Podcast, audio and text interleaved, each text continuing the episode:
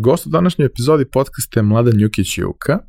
A, verovatno ste ga videli u prethodnih mesec dana kroz Facebook oglašavanje ovaj, gde promoviše svoj kurs.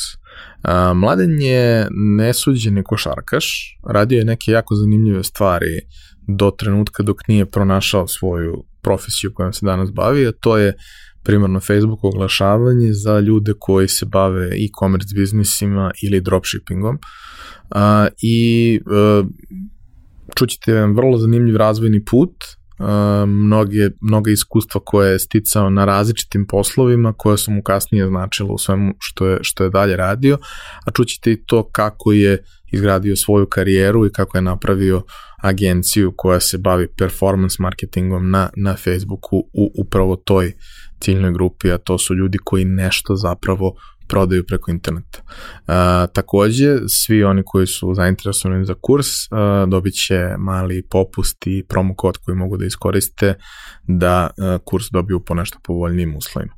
Uživajte! Realizaciju ove epizode podržala je kompanija Epson, koja je vodeći proizvođač projektora i štampača za sve namene, od kućne i kancelarijske upotrebe do profesionalnih uređaja koji se koriste od maloprodaje do industrijske proizvodnje. Već 20 godina u nizu proizvode najbolje projektore na svetu, a prvi štampač napravili su pre više od 50 godina. I dan danas svaki godin ulože preko pola milijarde dolara u istraživanje i razvoj novih proizvoda sa fokusom na održivo poslovanje i očuvanje životne sredine.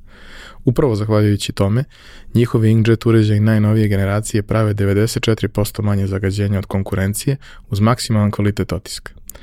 I vaš mobilni telefon koji sada nosite i na kome nas možda slušate i gledate, najverovatnije je napravio robot koji je stigao iz Epsonove fabrike. Roboti su super. Japanski roboti pogotovo. Za slučaj da želite da nas podržite vi individualno, uh, možete da posetite link u opisu podcasta na platformi Buy Me A Coffee i tu možete kupiti mesečnu pretplatu ili jednokratno donirati neki jednost koji želite. Hvala vam unapred na tom. Mladene, dobrodošao. Hvala, hvala Ivane. Ovaj, razlog zašto si ti danas gost je tvoja neobična razvojna priča, a i to što si u prethodnih negde mesec dana bio vrlo vidljiv na, na, na nivou lokalne zajednice sa svojim novim kursom koji si izbacio, a koji mislim da može bude potencijalno vrlo, vrlo interesantan i, i našoj publici, jer gađa vrlo specifično ljude koji se bave elektronskom trgovinom, naravno i one koji se bave dropshippingom kao ovaj načinom zarade, ali ja se nekako uvek u, u tim diskusijama mnogo više fokusiram na elektronsku trgovinu jer to je mnogo šira publika i to su vrlo često uh, potencijalno i jako ozbiljni biznisi koji ne koriste ne pun potencijal oglašavanja nego ne koriste ni mm. 20% toga svega. Ali, pošto je ovo ovaj, pojačalo i pošto sve epizode imaju svoj uh, tok kako idu, uvek počinjemo sa jednim te istim pitanjima, to je šta si teo da budeš kad porasteš? Standardno pitanje. Hvala Ivane prvo na, na dobrodošlici. E, ja kad sam teo da porastem sam hteo da budem košarkaš, to jest da budem Jordan, jer meni je Jordan u to vreme bio najbolji igrač koji kad igrao košarku, ono, ja sam 87. godište, ali on je već ovaj, tada već i došao u, u ligu, igrao do, dobro i mi smo imali ono prve neke prenose, gledali ovaj, na BK, sećam se da su bile neke utakmice i uvijek sam teo da budem košarkaš i stvarno sam trenirao dugo košarku i pokušavao nešto da uradim, ali u nekom trenutku sam shvatio da ne mogu ipak da budem pravi profesionalni košarkaš, vidio sam kako oni izgledaju, u stvari koliki su to ljudi, dva i nešto metra, široki, veliki, a ja mali, mršav i nisam uspevao u tom trenutku. I onda, e, pošto moj tata je bio direktor jedne fabrike obuće i često sam dolazio kod njegovu kancelariju i ovaj, kad smo bili neki raspusti, kad su bile neke neke posle škole nastave i ostalo i, ovaj, i teo sam da budem kao direktor neke stvari, to sam teo. Video sam da ono, sediš ti u kancelariji, ne radiš ništa posebno, svi te slušaju, super, znaš. I ovaj, uvijek sam posle toga, znaš, malo košarka, malo nešto direktor, malo nešto oko toga, ali to je u stvari ono, u principu preduzetništvo i da budeš sam svoj gazda, što bi rekli.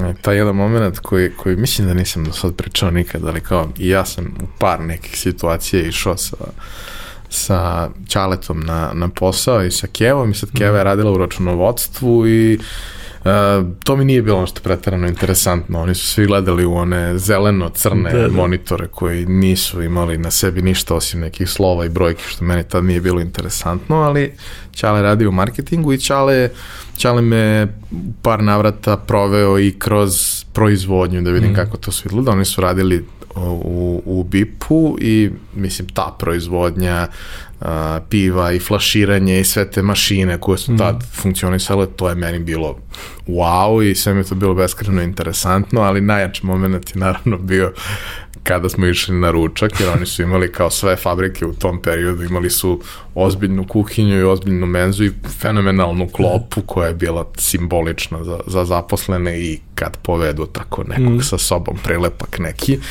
I ono kao, ja, ja to pamtim kao doživlje i kao da. ne, neverovatno iskustvo. I danas mi je to potpuno nešto što, što verujem da jako mali broj ljudi može da doživi, mm. jer ti danas nemaš te firme koje su yes. imale hiljadu, dve, tri, pet, deset hiljada zaposlenih, da. tako mm. nešto u suštini gotovo mm. da i ne postoji. Yes. U takvoj firmi ti imaš bukvalno odeljenja koje se bave svime mogućim stvarima. Mm. Ovi su imali jedan deo koji je bio bukvalno mali projektantski biro gde kao i ako te to zanima, ti imaš 5-6 ljudi koji rade neke ozbiljne stvari s kojima možeš da pričaš na, da. na tu temu.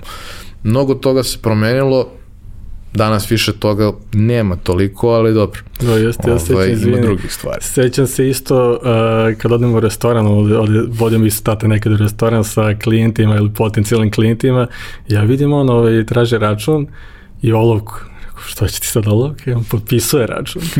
kao šta je ovo?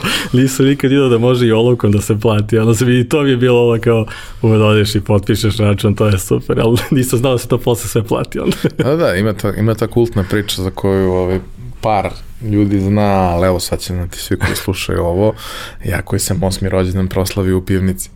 Zašto sam osmi rođendan proslavio u pivnici i zašto smo vodili drugare iz razreda u pivnicu?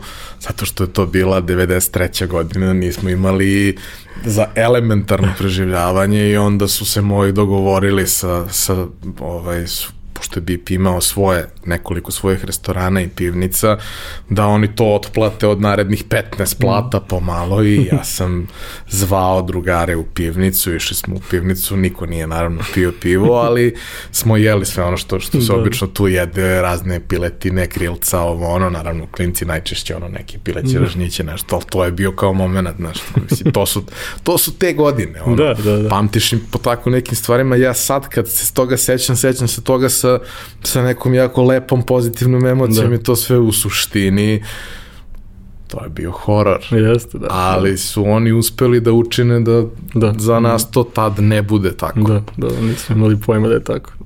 A, kako je izgledala škola, obrazovanje, šta te interesovalo, šta te nije interesovalo? Da, pa u osnovnoj školi košarka me najviše interesovala, igrao sam basket, ali sam odmah, mislim da smo u prvom ili drugom razredu osnove već imali prvi kompjuter, to, znaš, i onda sam ovaj, ja istraživao to, uvek nešto gledao na kompjuteru, naravno neke igrice tražio pojavio se onaj Eonet, Eonet internet gde, gde si imao 10 sati mesečno, to kad nekom kaže sada da si imao 10 sati mesečno interneta, klinci nemaju, klinci ne znaju da su mi u stvari nekad morali da zovemo 9.5 da čujemo tačno vreme, u stvari da je bio broj telefona koji je moglo to, ali ove, i onda nešto smo ubacivali, bili su neki sajtovi, ono gled, čito se novine, možda Blitz ili nešto tako i ove, gledaš, tražiš, istražuješ, ali nisam se ništa pretarano bavio tehnologijom, uvek me interesovalo, volala, volala sam tehnologiju tehnologiju, ali nije nešto da sam sad previše ulazio u te detalje i istraživao puno, a, ovaj, jer sam se ono više fokusirao na košarku da, da igram ovaj, u to. A, posle toga sam gimnaziju pisao, sednu gimnaziju, jer naravno roditelji tu uvek hoće, ajde, gimnazija je nešto ono najbolje, verovatno svi da, htjeli. Možeš da, svuda možeš nakon sve, toga. Da, posle toga možeš sve. I ovaj, a pojenta je story fora je bila što smo mi, kad smo pisivali sedmu gimnaziju, mi smo otvorili tu školu, ta, to je u Mirjevo bilo. Znači mi smo osmi razred sam ja završio, bio najstariji u školi i onda prvi razred srednji mi smo opet bili najstariji, u stvari smo bili jedini u školi tada. I onda je bilo super, nismo imali nešto preterano stariji da ovaj, ne znam šta rade tu, bili smo glavni i bilo dobro društvo, stvarno je bilo super društvo u srednjoj, uvek smo ovaj, volili zajedno i da igramo isto basket, futbal ko, ovaj, na, na ovim terenima što smo imali, družili se lepo, ali ja sam stvarno nisam preterano nešto sad učio ne znam koliko puno, bio sam ok, vrlo dobar, dobar kako kada, ali nije nešto da sam ja stvarno znao šta ću da radim posle srednje škole. Niti sam imao neki plan, niti sam ovaj, ja sad imao neko jedno jedino interesovanje da sam znao da baš hoću tako to i to posle i da to i to budem na kraju. Ja sam hteo da budem direktor kad sam vidio da nema od košarke ništa, ali kako direktor to već nisam znao i kako i kako to da završim, gde, tako da ovaj, to je bilo nešto u srednjoj školi. I, A kad si prvi put uh, krenuo nešto da radiš?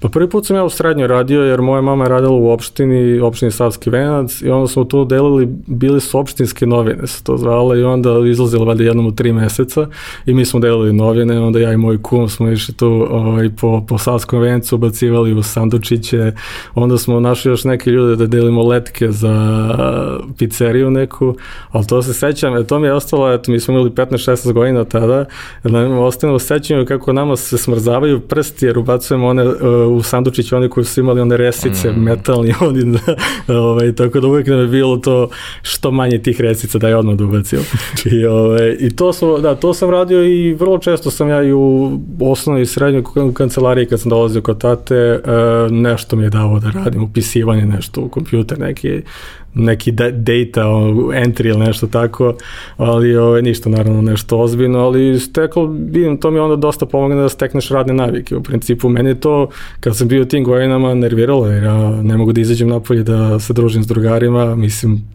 poenta je bila da naučim kako da radim, ali to te kasnije ti shvatiš da to stvarno dosta, dosta pomaže i da treba.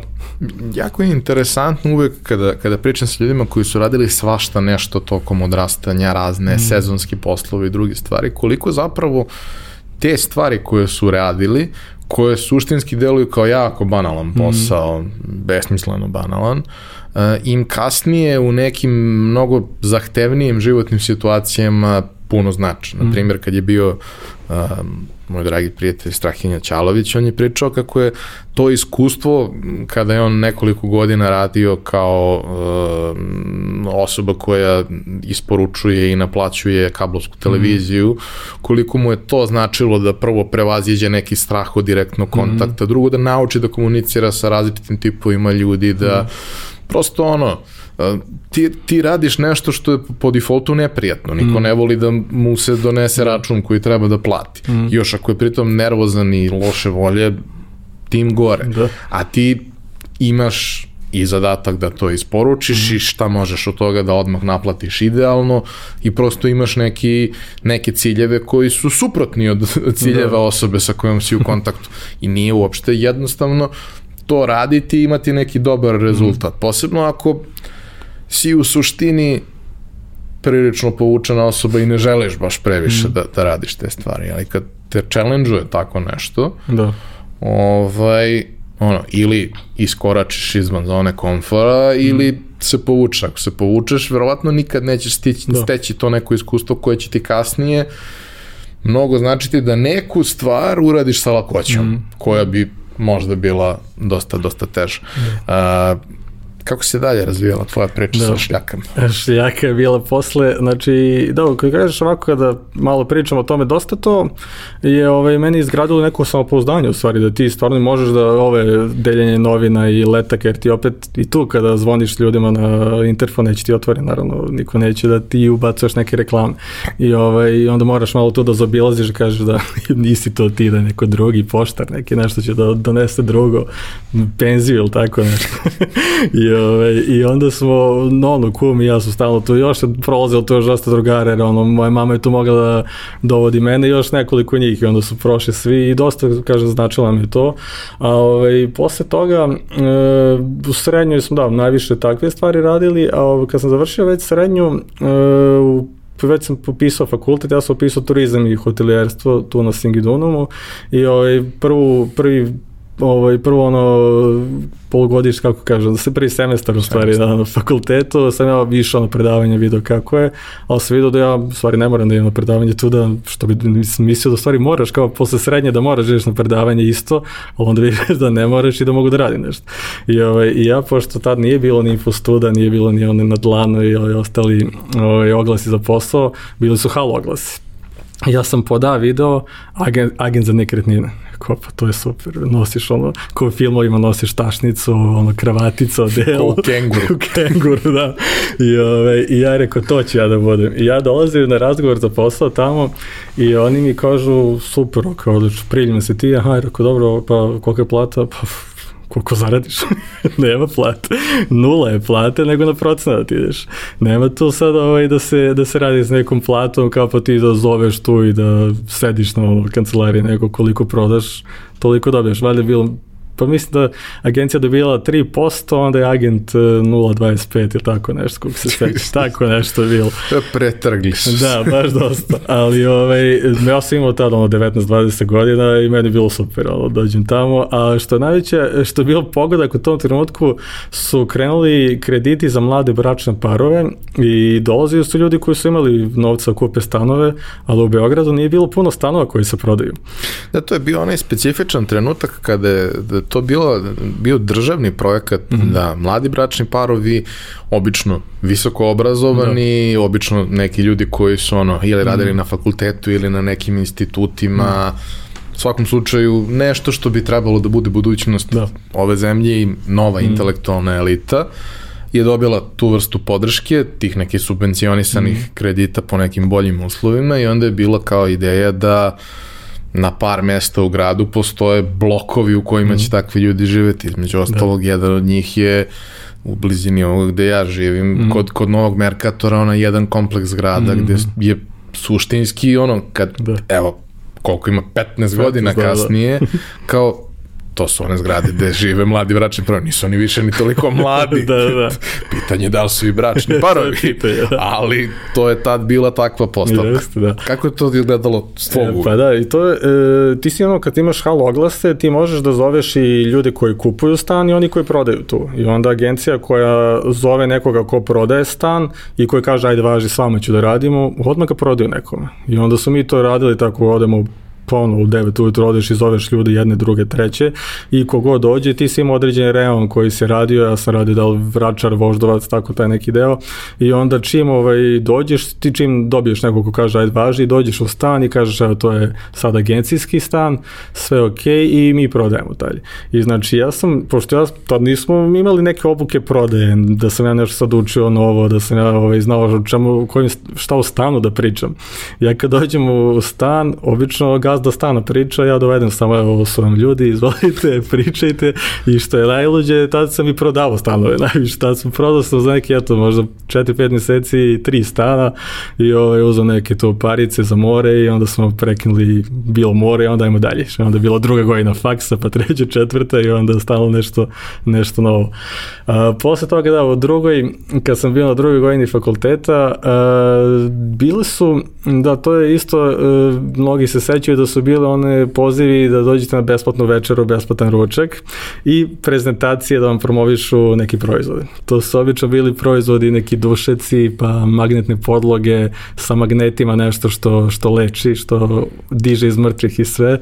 I, ove, ovaj, i to, sam, to sam radio. E sad isto u, tom, u toj firmi što sam radio, isto ništa nije bilo, nisam imao platu. Isto smo radili za džabe, nego samo za procent ali smo imali baš dobre uh, treninge prodaje tu.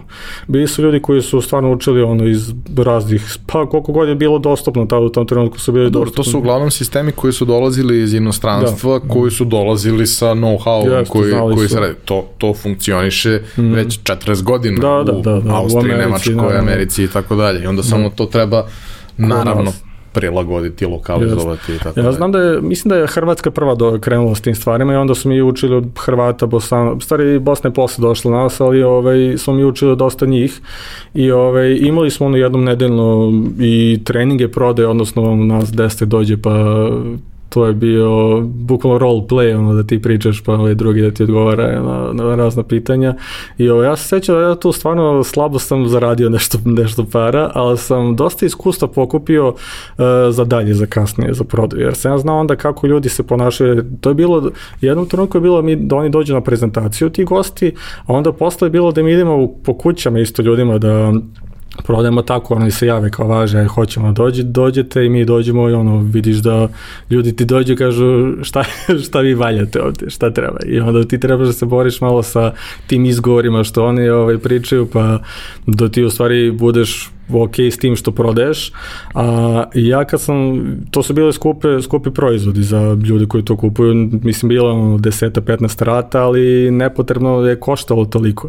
Ja u stvari kad sam saznao da to može se proizvede za, ne znam, 50-100 eura, da se prodaje za 1000 ili za 700, tada je već meni pao moral i nisam želao da radim to, jer vidio sam da u stvari nije to poenta prodavati takve stvari nekome kome možda to i stvarno ne treba.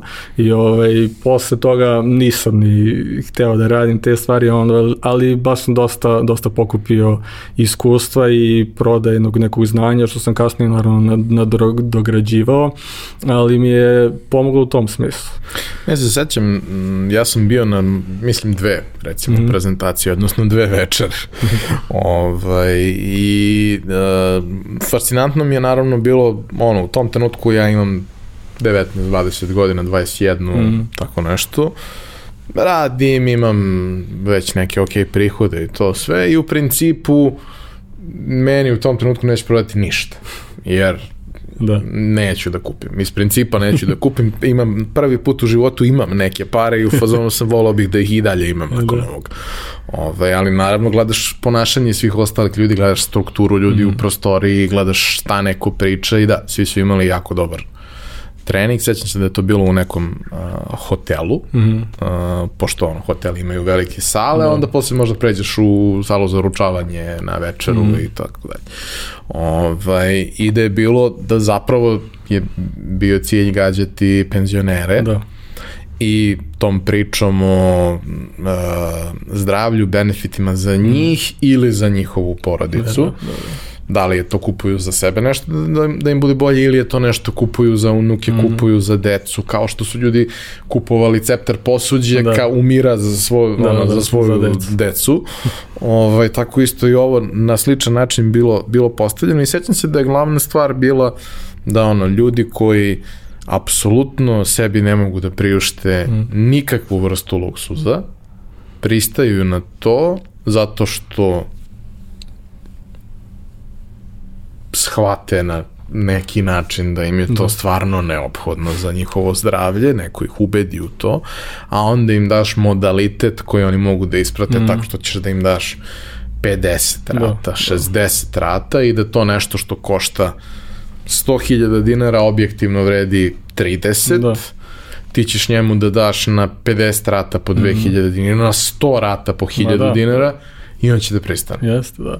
Ali to je, to sam gledao, ja sam, stvarno vidim te ljude koji su radili tu prodaju uh, i bilo je nekih koji su stvarno u tom trenutku nenormalne pare zarađivali, jer sam ja vidio kad oni dobiju te čekove da je to bilo po 5, 6, 7 hiljada eura mesečno, da su oni prodavali stvarno ljudima koji su, er, da, mi smo imali ta, tekst koji treba da se priča na toj prezentaciji Taj tekst su pravili psiholozi, ljudi koji znaju vrlo dobro da šta je u prvoj rečenici, šta u sredini, šta na kraju treba bude. I bilo je ljudi koji su menjali malo tekst po sebi, neko i zaboravi i oni nisu dovoljno dobro prodavali. Oni koji su se stvarno držali tog teksta i koji su znali to da naučili na pamet i naravno naučili kako da priđu i kako da komuniciraju s tim ljudima i verbalno i neverbalno, oni su prodavali stvarno dobro i taj tekst stvarno uh, ljude ubedi, ubedi da te, tebi to treba, odnosno da, što kažeš, penzionere, većinom ljudi koji e, u tom trenutku misle na zdravlje. E sad, e, ja sam tad da isto imao možda 22-3 godine i ono, mi smo bili mladi, niko ti tad ne razmišlja preterano puno o zdravlju, ali sam ja shvatio da ne želim da budem tako neko koji će da u sa 60-70 godina da počne možda da razmišlja o zdravlju i da ne znam daje poslednje pare za nešto što možda ti neće pomoći, možda i oće, ali zašto bi do, doveo sebe u takvu situaciju, jer ovaj, vidio sam da stvarno to su bili penzioneri koji su oko 20-25 hiljada dinara imali platu i kupovali takve duše.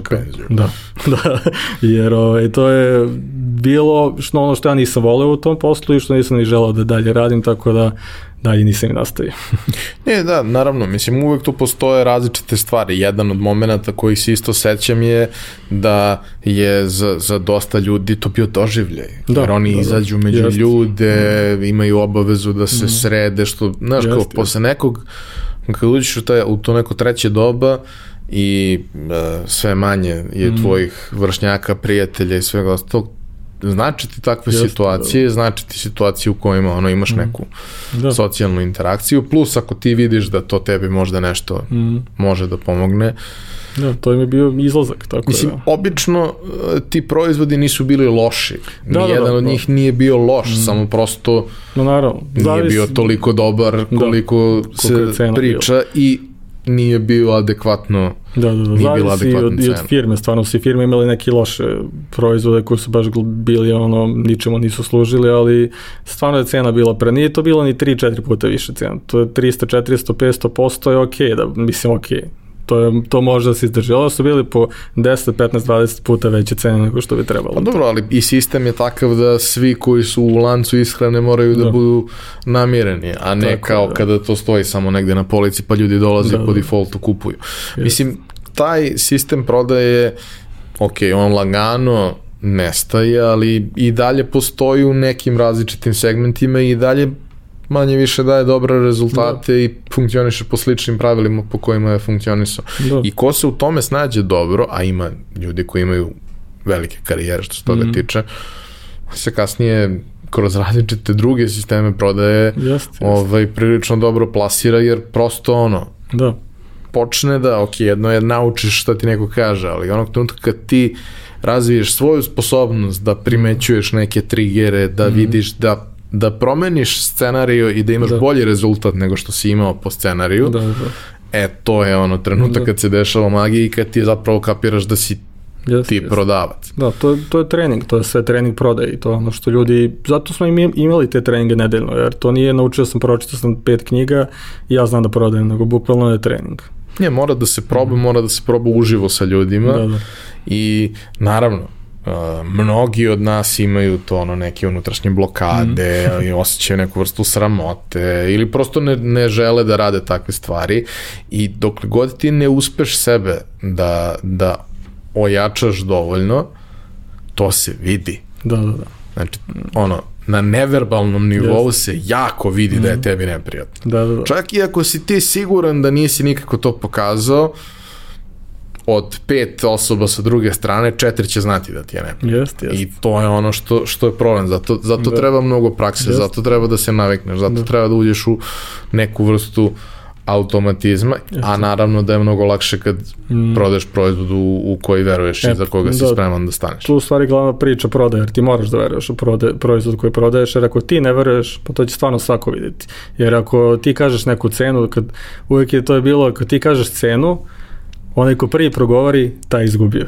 I, ovaj, I onda ti treba da kažeš, ne znam, 1000 eura i da ćutiš, ali ćuti neko preko puta tebe, ćutiš ti, ćute oni, ćuti 10 minuta, može se ćuti i ko prvi progovori, on je izgubi i onda on kreće, ovaj drugi kreće u napad i kreće da, da ti prodaje ili, ili obrnuto i se brani, tako da... Pominjao sam to u nekoj od epizoda, ali imam jednog prijatelja koji je jako uspešan prodavac koji mi je pre 20 godina rekao rečenicu prodaje počinje onog trenutka kada ti kažeš ne. Ovaj što jeste tačno i po mm. knjigama to apsolutno sve stoji, samo nismo svi isti, ja da. kad kažem ne, to je ne. I možeš da nastaviš, ali to sigurno neće dobro da se završi, jer ako sam jednom rekao ne, mhm. nećeš me ubediti, da, da. bez obzira na to koliko si uporan. Ali dobro, ovaj, ima slučajeva u kojima to naravno, naravno funkcioniše i radi. Da. Šta si radio nakon toga? nakon toga uh, kaficu, radio sam u kafiću, završio ovaj, bio kurs za barmena, ono, bar centralu ranije. Uh -huh. I, ovaj, I ja sam to završio i mislio normalno da ću odmah kao krenemo u Americi, ono, koktel majstore krenemo da se pravi, ali ti i kad postaneš barmen, ti u stvari prvo budeš backup barmen, drugima sečeš limun, onda sečeš naranđe i ostalo i tek posle godine dana ti možeš da ostaneš tu. I, ovaj, i onda sam došao u kafiću da radim u kaf, Coffee Dream je bio ovaj kafi uh -huh. za kafe i onda sam to malo radio i ovaj, posle toga već sam ja i završio fakultet fakultet i e, kad sam završio fakultet e, imao sam tada 24, 23, 4 i ovaj, moji su se preseli bili u Banja Luku još ovaj, par godina pre i moj teče imao firmu gde je proizvodio folije kućne za kućnu upotrebu folije i rekao ajde ja da budem uh, da on je mene tad pozvao tako što je rekao ćeš budeš direktor? Jer ovaj jer, on, jer je znao da, da znao šta će jer on je ovaj uh, on je radio u Telekomu u Banja Luci i još je dodatno radio ovo. I onda nije mogao da bude direktor svoje firme nego je stavio mene da budem direktor i onda u stvari se bio komercijalista tu obilazio radnje obilazio dobro bio si komercijalni direktor. Komercijalni direktor da. I ja rekao ajde doći ću. I ovaj, tamo se živo je bio godinu dana, obilazio ovaj, razne radnje tamo i onda je on na kraju prodao firmu e, i ja sam rešao da se vratim u Beograd i da otvorim svoju, svoju firmu. To je... Ajde samo da se vratimo mm -hmm. na mhm. to iskustvo, zato što mislim da je ono vrlo, vrlo vredno i mm -hmm. interesantno. Opet je to iskustvo gde ti imaš vrlo hands on da, da. Uh, sa proizvodom, sa kupcima, sa partnerima, mm. A priča je o firmi koja je suštinski jako mala, da. koja je vrlo lepo, stabilno rasla i koju su na kraju kupili najveći kupci. Jeste, jeste, da. To je bila, uh, znači baš je malo, stvarno je bila, firmica bi bilo troje ljudi zaposlenih i jedan komercijalist, koja je ja. I ovaj, direktor. Ti, da, direktor. I, ovaj, I oni su ono, napravili, napravili fall, imali su normalno određene, bili su veliki sistemi, to Maxi je bio tu, bili su u Bosni ima jedan veliki eh, hipermarket i veliki hipermarket i zove se Bingo. I ovaj, to su, mislim da je ono Sarajevska, uh, da je to i Sarajeva u stvari brand i oni su stvarno bili po celoj Bosni. Oni su uh, imali sistem da kad su počinjali, uh, oni su se čuli sa mojim tečom i sa naravno ekipom ljudi koji su hteli još da, da uđu kod njih u, u hipermarket i dali su im pola polica za, za njihov brand. Znači, moj teče imao pola polica u tom uh, bingu, a ostali svi brendovi koji su imali folije su imali ostali pola. Znači, bilo ih 7-8 sigurno, kasnije su dolazili ovi jači i to je bilo u početku ok, normalno, ali taj bingo stvarno porastao da ja mislim da trenutno može čak i najveći dalje postoji, da je u Bosni najveća, na, najveći lanac hipermarketa. I oni su, iako je poraslo sve, iako su toliki bili, i dalje držali taj sistem i dalje su nam dali pet, ti polovinu polica i na osnovu tih polica, odnosno na osnovu tog, te, tog pozicije. te pozicije što imaju. U stvari moj teču uspio toliko da proda firmu jer e, svi ostali, Max i ovi ostali manji e, nisu bili toliko dobri, nije bilo toliko prometa. I ovaj, kad su videli ovi veći lanci, odnosno veća firma za, za folije koje su nas kupile, kad su videli da ne može da se promeni, oni su rekli bolje da kupimo njih jer oni nisu bili samo za folije, to je bila sistem koji su imali oni jogurte, sot i ostale, tako da su oni mogli da kupe e, njegovu firmu da ne izgube puno, odnosno dobiju mnogo više nego što bi, što bi platili i ovaj, na kraju je Teč odlučio da, da to proda i da, da izađe sa stvarno dobrim, dobrim parama i onda dalje da ovaj, prođa. Ne, ali taj moment gde ono, bio si sa nekim ko je značajno porastao i razvijao mm. se kroz godine, ali ti si bio tu od početka i taj odnos koji je postavljen na početku, odnos da. poverenja koji je ono kao trebalo je imati poverenje i hrabrosti, ući jest, od starta jest. sa njima, uložiti nešto mm -hmm. u mhm. to sve njihovo, makar i kroz robu, pa ni da. to nije malo kad si mala firma. Mm -hmm. da su oni ono ostali verni tom da. dogovoru i da je to u suštini e, i jedne i druge poguralo, verovatno ne samo sa njim, da, da. nego i sa drugima s kojima mm. su mhm. tako sarađivali od početka, da je to sve njih poguralo da, da, da, da značajno porastu. A šta ti je u tom direktorskom poslu, ovaj, šta ti je tu bilo interesantno? Šta da si imao neke zanimljive ono momente u, u iskustvima u... sa komercijalistima, sa kategorijom mhm. menadžerima? Da, u tom poslu ja sam došao na već sređen sistem, odnosno mene, pre mene je radio dečko koji je imao dovoljno prodaje i moj tečaj isto pre toga radio bukvalno taj isti posao i onda je dogovarao ovaj, sa kategorijom menadžerima, sa menadžerima radnje, sa svima uh, koliko treba, to nije neka roba koja se troši previše, nije nešto što možeš svaki, što moraš svaki dan da naručuješ, ali za veće hipermarkete ti imaš određeno koliko kutija robe doneseš, koje dimenzije robe za koju upotrebu, da li je ona folija za kućnu, za, da li za pečenje i tako. Nije to bilo previše, bilo je znači možda 5-6 artikala koje smo mi proizvodili. I ovaj, ja to nisam imao nešto pretredno da sam morao da koristim znanje iz prodaje, jer ovaj, i malo je drugačije bilo jer sam ja do, dolazio u Bosnu sa ono, beogradskim naglaskom, prvi put se pojavljaju i onda su mi, svima sam bio zanimljiv u stvari, onda odakle si ti mali, otko ti, otko ti da si direktor i ostalo i, ovaj, i onda se ja tako pričao s njima, obično, obično malo ono ostaneš duže nego što treba i, ovaj, onda su mi i onda su oni sami u stvari naručivali robu većinom.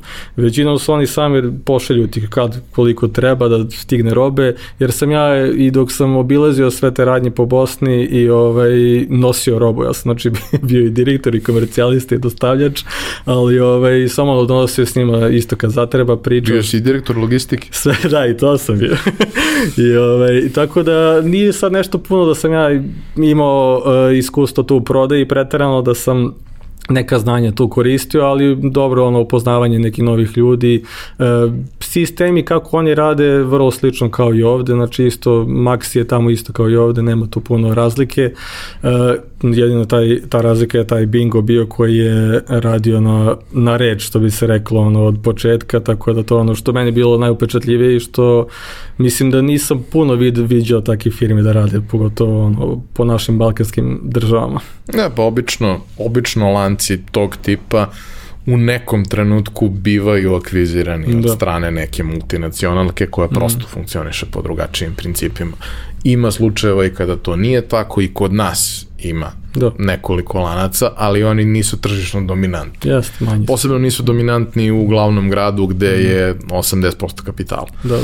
Ovaj, ali dobro, ima, ima zanimljivih priča tog tipa i ovde. Da. I onda ti postaješ preduzetnik. Da, onda kreće, onda stvarno krećem da budem direktor. ovaj, jer da, eto, uh, posle fakulteta, znači ja sam završio taj fakultet, ali mislim, ti kad inače, inače kad se uči na fakultetima, ne učete puno da budeš stvarno preduzetnik i da budeš neko ko će da vodi svoj biznis. Na ovom fakultetu što smo mi imali, ja prvo nisam pretredno puno ni učio, jer nije bilo potrebe, jer sam radio. I, ali ovaj, e, ja sam hteo odma da otvorim svoju turističku agenciju, jer e, što ne bi, što ne bi otvorio, a mislio sam da znam to.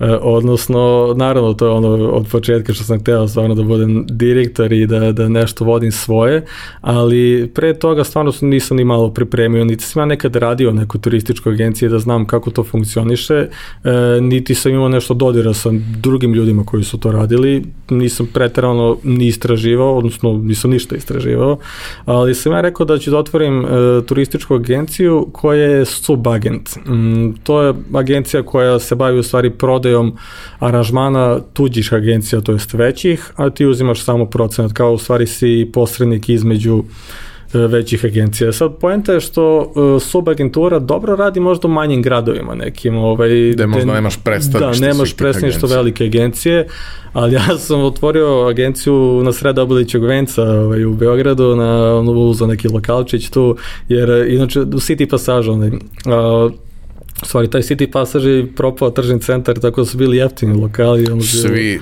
svi stari tržni centri, da. ono iz 90-ih, koje mi da. pamtimo kao kultne stvari su propali da, sad su da. tamo lokali džab džabe, ja znam, znači ono, kao kad smo nešto gledali za, za, za isto neki lokal gde je bilo bitno lokacije zbog preuzimanja, zbog tih mm. stvari, on ne mora bude atraktivno, da, samo da. da bude na dobrom mestu. I kao, prati ima lokal u staklencu za tipa 150 evra. Da, bukvala tako bilo. Kao, Otkud toga? Znaš kao, A jel ima, ko, koliko je kupatilo? Pa živimo u staklencu. tu smo, Znaš, da. pa no, mislim, ima pa parking da. mesto. Može što hoćeš. Da, tako je nešto meni, da je 100, 150 evra možda košta lokal i ono, je rekao, pa super, šta. E, ali samo što su oko mene stalno, mislim, oko mene u gradu, normalno.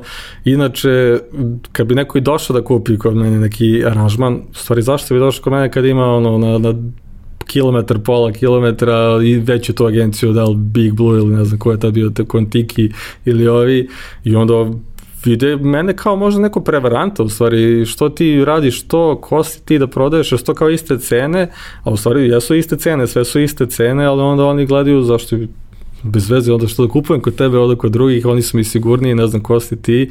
I ovaj, tako na kraju sam ja u stvari sa nula aranžmana završio prodati I ovaj, na kraju sam vidio da u stvari nema toga ništa. Jer eh, ja kad sam ulazio u takve stvari, ništa nisam znao o tome, nisam, dobro što nisam znao, nego što nisam istražio šta, to, šta treba to da predstavlja.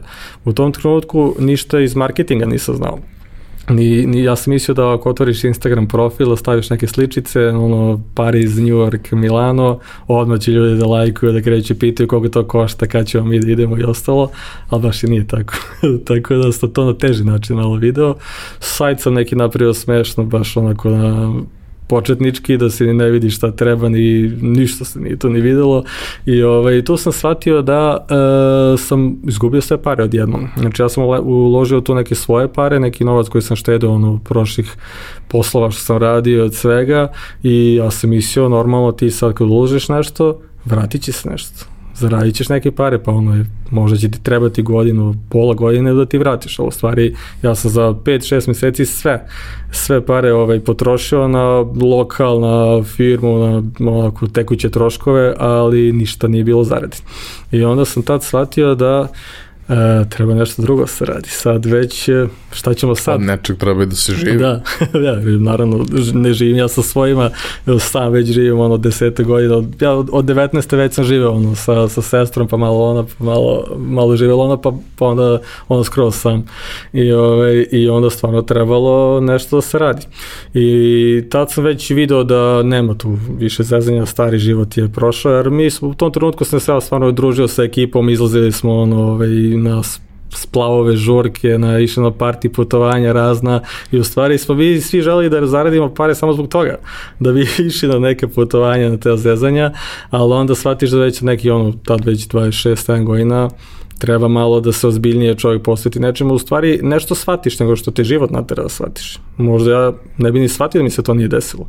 Možda bi dalje bilo tako, takav način razmišljanja i na kraju posle svih tih godina meni je stvarno drago, drago. Jedan od najvećih e, pozitivnih stvari iz svega toga je što mi se promenio način razmišljanja i što sam posle toga uspevao neke stvari da završim. Iako je bilo naravno padova i posle toga, ali to mi je to možda omiljeni neuspeh, što bi se rekao. Ne, dobro, znaš, svaka životna škola je bolna i skupa, ali mislim da tvoja, što se toga tiče, nije bila previše da. bolna i mm. previše skupa. Jeste naravno neprijatno svaki put kada mm. ti uđeš u nešto sa nekim očekivanjima, to se ne desi, ali mislim, jako mi je drago što se to ispričao tako kako si ispričao, zato što kao da, mislim, svi smo mi u nekom trenutku uradili nešto epski glupo i kao da. svi smo u neke situacije ušli grlom u jagode mm. jer nam je delovalo previše dobro da, da propustimo, mm. a m, samo nam je delovalo da, tako. Da, da. I? I dalje, ovaj, da, onda sam dalje gledao šta, ću, šta ćemo dalje, jer eh, ta, već u tom trenutku uh, shvatiš ono šta je preduzetništvo i šta treba da se, šta treba da radiš i strah te onda, znaš, onda već ne bi dolaziš da u to, već ne bi da budem direktor, znaš, sad bi, sad bi da radim nešto drugo. I ovaj, onda sam tražio, tražio po oglasima poslove i tad se pojavilo, ja sam slučajno video taj oglas, neka američka firma je tražila pa bili su, da mislim da je oglas bio za menadžera proda ili tako nešto. Uh, mi smo otišli na, u stvari ja sam otišao na, na razgovor za posao i tamo je bilo jedno desetak ljudi još koji su čekali i mi smo pričali sa monitore, neki bi ispred nas i ja vidim ljudi pričaju s monitorom nešto na engleskom, niko te nije pripremio, niti sam se ja pripremio, niti sam pre toga radio nešto na engleskom, znao sam ovako ok jezik, ali smo došli na razgovor za posao sa direktorom, vlasnikom firme i ovaj, nismo znali čemu se radi uopšte, šta treba da prodajemo, da li treba da prodajemo mi uopšte ili šta se dešava. I onda smo došli i pričali, ja sam došao sa tim gazdom i on me ispitao neki par stvari, jesi nekad radio u prodaji, kako, kako ti sve to izgleda, da li si ti, sećam se mi je postavio pitanje, are you a salesman? jesi ti prodavac? Ja rekao, pa nisam više, nisam, are you a salesman? I'm not a sales. Are you a salesman? ja rekao, nisam, šta je, što? Kao, once a salesman, always a salesman. Kao, što je to? Rekao, dobro, dobro, važi. Ta sam shvatio da u stvari ovaj, on traži prodavca nekog. I, ovaj, I ništa, na kraju od nas deset ostalo je troje koji su bili ok, ja, ja sam bio među njima i on je mene zaposlio još dvoje ljudi i mi smo U stvari tek tada i saznali šta treba da radimo, jer nismo znali čemu se stvarno radi, kakva je vrsta prodaje. E, Poenta je bila da je to firma, e, čovek koji je došao u Ameriku, naš, naš e, čovek iz Užica je otišao je 99. u Ameriku, radio razne stvari u Americi, od onog valeje vozača ovoga mm. na parkingu i onda dalje sve i svašta malo u IT, nešto bio tehnologiji i na kraju otvorio tu svoju firmu gde se prodaju lekovi apotekama američkim. E, američke apoteke su, to su većinom državne apoteke, kao što, na primjer, kod nas ima u domu zdravlja, pa onda u prizemlju stoji apoteka. I onda one sve no, kupuju... Apotekarska ustanova Beograd. Da, ta tako nešto, da, da, to. I, ovaj, I oni svi kupuju normalno na veliku, kupuju ozbiljne količine lekova, većinom i od, i od Pfizer i od svih većih firmi američkih, ali m, postoji neki deo procenat tih lekova koje veće te firme kao Pfizer ne žele da proizvode. Neće ti proizvodi jer, ili ih malo proizvedu jer nema nešto zarade, pretrano nema potražnje velike i onda ta firma moja što sam radio stupa na scenu i onda oni prodaju te lekove koji su, to smo mi nazivali u shortage bili su u nedostatku ti lekovi i onda smo ovaj, zvali telefonom i prodavali tim Amerikancima. To je bilo, znači mi dobijamo CRM da imaš pa 3000 i 3000 nešto apoteka po Americi i svaki dan zovi. Svaki dan zovi od do 2 popodne pa do 11 uveče. Mislim, prodaješ legalnu stvar. Da, Sve da, da. je potpuno legit. Da, naravno, naravno. Samo je stvar o tome da ono, našao si nišu u kojoj mm. je to dovoljno malo para da neko veliki neće da se bavi mhm. time, mm. a sasvim dovoljno da. da se jedan takav manji sistem jest, jest. bavi a, time. To malo para u Americi su bili ozbiljne zarade. Znači, ta mala ta niša što je bivši gazda našao je zarađivala njemu od pola miliona mesečno do 3-4 miliona. Znači, to su bile tolike cifre u dolarima. I ovaj, ja kad sam vidio da stvarno Jer mi smo prvo došli kao nas troje u Beogradu, u, smo bili, a u Americi je bilo još petoro ljudi koji su radili isto to. I mi, pošto smo naravno sa naglaskom ovim uh, balkanskim, uh, oni su više, nam, mi smo njima više služili kao neko ko će da ih zove, te uh, ljudi koji kupuju apotekama i onda mi njima prebacimo da oni zatvaraju prodaju i da oni sve završavaju kako treba papirološki. I ovaj, to smo radili pa, principu prve dve godine smo samo to radili, onda smo tek krenuli sa da mi direktno prodajemo. I ovaj, e, znači da, kad sam vidio da oni ljudi prodaju po 100, 200, 300 hiljada dolara, baš mi nije, baš nisam znao da postoji takav biznis inače negde i nije mi bilo jasno zašto bi neko kupovao kada može da kupi od stvarno od Pfizera jeftinije ili od drugih, ali je bila stvar što oni su držane pare to koristili i imali su te budžete koje nisu to ovaj, njihove, njihove pare od ovih što radi u apotekama. Dobro, nego, i vrlo često ne možeš da, da dobiješ to u roku u kom ti tako, treba, da od velikih dobavljača, jer prosto nema. Ne, neće, da, neće, mislim nema. Malo su proizveli, neće sad ponovo da proizvedu, jer mi se ne isplati, nemaju sada poentu. I ovaj, onda njima to ok uzmu i to je bilo to. E, dosta stvari se ja naučio na tom poslu, isto, ja sam, znači mi smo počeli sa troje, ali posle je došlo još ljudi, ja sam bio neko ko je vodio tim njih, odnosno bilo već možda desetak team leader sam bio tu i ovaj, uh, ja sam, tu, e, tu kad sam došao na taj posao, to je bilo posle ove kraha sa agencijom turističkom i tad sam rekao, ja stvarno moram da budem najbolji na ovom poslu. Sad, znači, nekako sam u svojoj glavi rekao, moram da ostanem, jer mi smo bili u stvari na probnom radu prvo tri meseca, to ti oni kažu ono, prvo probni rad, pa ti da vidimo šta ćeš dalje. I ja sam rekao, ja moram da ostanem, nema dalje i borim se kako znam. I ja sam uh, video da oni cene u stvari rad, jer uh, gazda je nama govorio u početku, ne morate vi odmah da prodajete, nije sad to pojenta da vi mnogo, mi da prodajete ko oni amerikanci po 100-200 hiljada, jer vi nećete to moći, nego najbolje da zovete što više. Ja sam u početku zvao 300, 350 puta dnevno, ovaj, 350 poziva dnevno sam ja imao sa, sa tim Amerikancima, koji su ti naravno lupali slušalicu, često on spuštali, pa onda pritali šta hoćeš, viš, ko si ti, pa onda se nađe neko ko priča s tobom u Srbiji, o Evropi, malo da znaju, ne znaju gde si u stvari, onda misli da je to Sibir.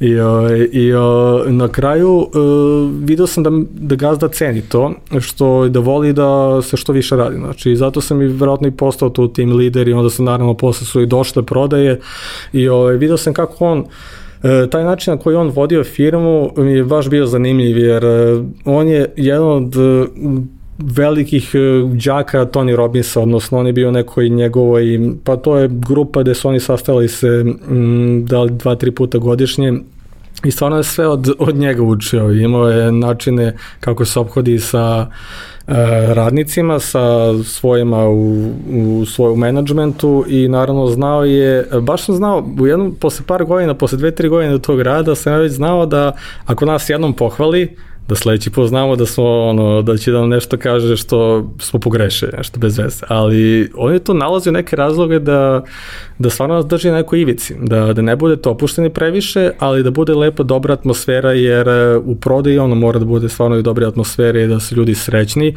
ali da se ne opuste, da ne uđu u neku zonu komfora, da oni sad misle da je to okej okay i, i super je super je posao, odlično svi smo, svi smo srećni i zadovoljni. Tako da tu sam dosta njega tih stvari naučio što se tiče vođenja firme. Je li ima nešto čega se sećaš da ti je ostalo baš upečatljivo?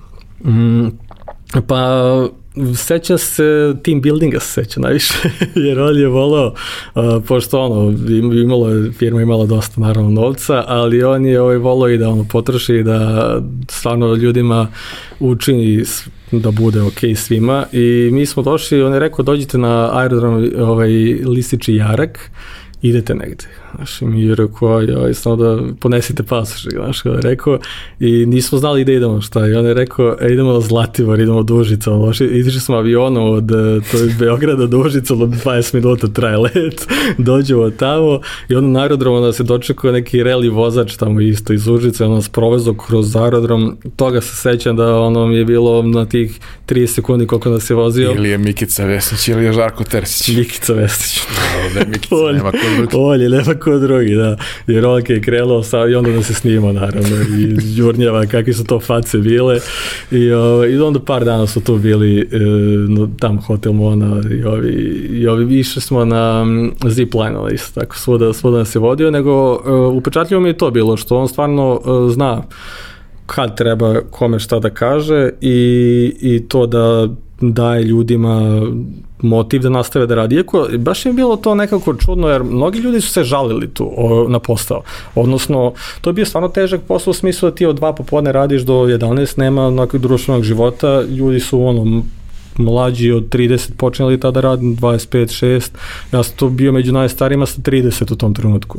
I, ovaj, i ono, hteli su da izlaze i da se malo druže, ali mm, on ih je držao da budu zadovoljni, iako se to njima nije sviđalo. Nisu to bile sad ne znam kakve pare, on, znači, poč, mi su počeli sa 40.000 dinara, mislim da je bila prva plata, znači ono 400 dolara, pa se posle nastavljao dizalo, ja sam na kraju izlazio nek, nekih 1500 dolara na toj, sa raz, nekim raznim bonusima, što je bilo ok, ali mnogi su imali manje plate od toga, pa mi je bilo super, bilo mi je ok, iako su se često žalili, Najčešće se žalili meni kako ovaj, nije, nije dobra atmosfera, odnosno ne, ne žele da rade tu. Težak je posao to, stvarno, jer ti u tom trenutku e, uđe to sve u automati, automatizam. Znaš, ti pričaš neke iste stvari stalno, ali posle par godina te to baš smori. Baš ono da... Čuj, par godina. par godina, da.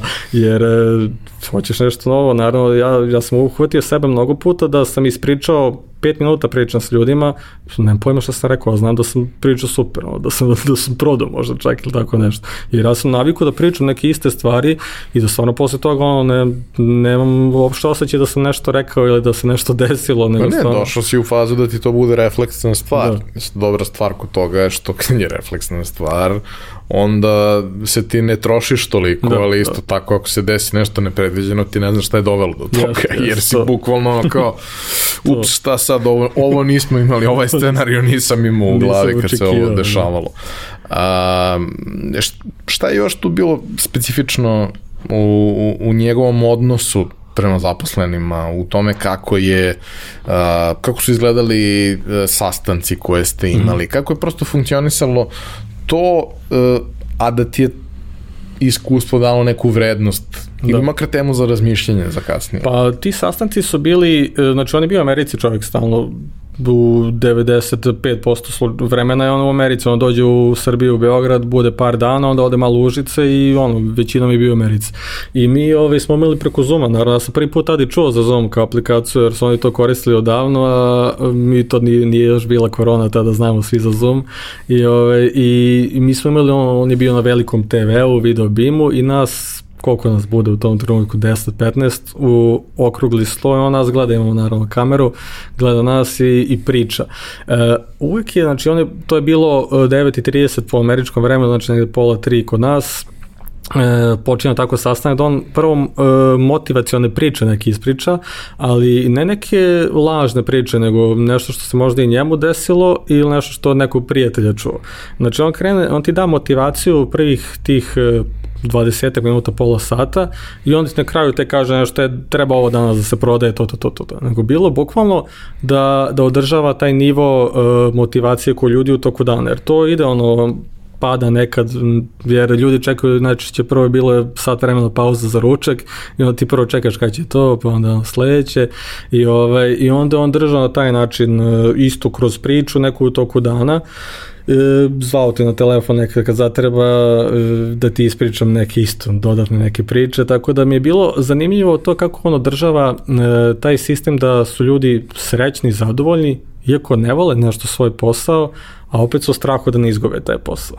Na ta, nisam, to mi je neka bila tema za razmišljanje kako on to sve radi i da li to jedna stvar, dve, tri, verovatno ne, nego to je neki skup, skup stvari i njegove ličnosti kako on to uspevao, ali i dalje on to tako radi, i dalje drži. Znaš što je to meni fascinantno? Znači, to, to je ono, uh, ono takmičenje sa vremenom gde ti znaš da ćeš da izgubiš. Mm. Znači, ti znaš da će čovek da ti ode, I uopšte nije stvar u tome da ti nekoga zadržiš večno da bude mm. tu, nego samo da napraviš da ne ode posle tri meseca, mm. nego posle tri godine. Jeste, jeste. Da, da. Znaš da, da, da to mm. ne može da se radi duže, da. znaš da samelje čoveka, mm. da ga mm. potroši, da možda može da se radi tako što ćeš ga prebaciti na neki drugi posao, jeste, da. promeniti mu poziciju, promeniti dinamiku, uraditi nešto tog tipa, mm. ali taj takav posao mm. vrlo teško neko može da radi da. jako dugo, osim ako nije baš ekstremno ba, motivisan da. da se time bavi, u kom slučaju će verovatno dobiti ponudu negde drugo yes, za da, možda da, da. bolje uslove da, da, da, tako nešto radi. Sad kad, kad to pričaš, vidim da on to radio i sa mnom tako, znaš, jer, ovaj, jer eh,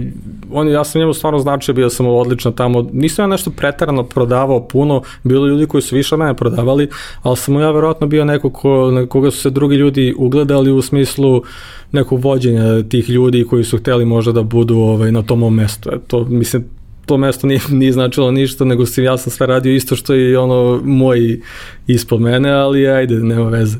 E, nego sam, e, on je vidio da sam ja u tom, dok sam ja radio, ja, e, ja sam bio kod njega četiri godine, ja sam odmah od početka krenuo da učim druge stvari, jer e, sam hteo da pobegnam od tog posla.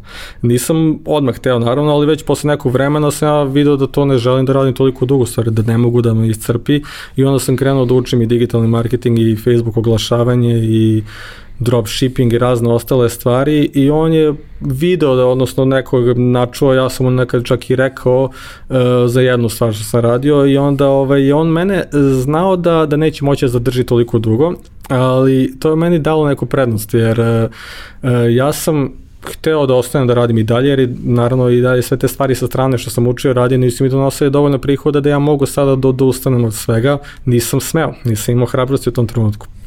I ovaj, e, tako da sam ja uspevao da dogovorim s njim da on meni smanji platu pa da ja radim do pola devet uveč umesto do 11 prvo.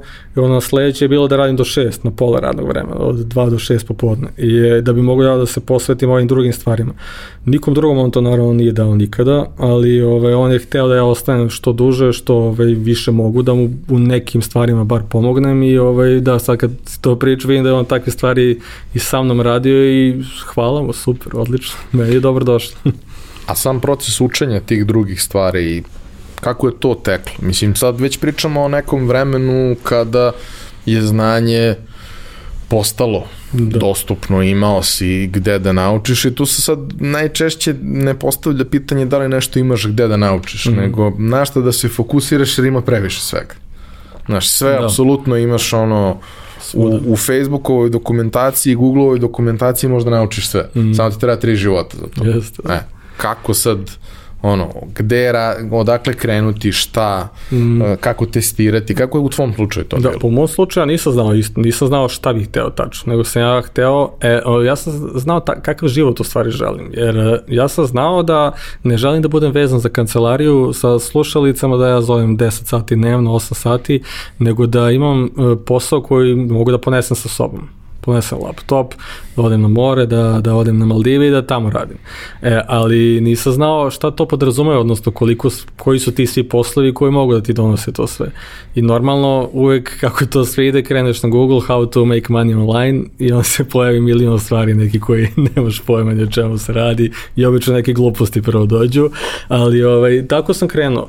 E, izletao mi je Istokov blog od Istoka Pavlovića, normalno jer e, on me odme na prvoj stranici i o dropshippingu blog. Najčešće, najčešće mi je to izletelo i onda sam e, prvo pročitao većinu njegovih tekstova, posle nekog vremena i sve tekstove i malo ušao u to dublje. E, taj mi se biznis model svidao kao što i mnogima u tom, u tom periodu pre koliko je bilo 4-5 godina već. I ovaj, mislio sam da je to nešto što ono želim da se bavim time.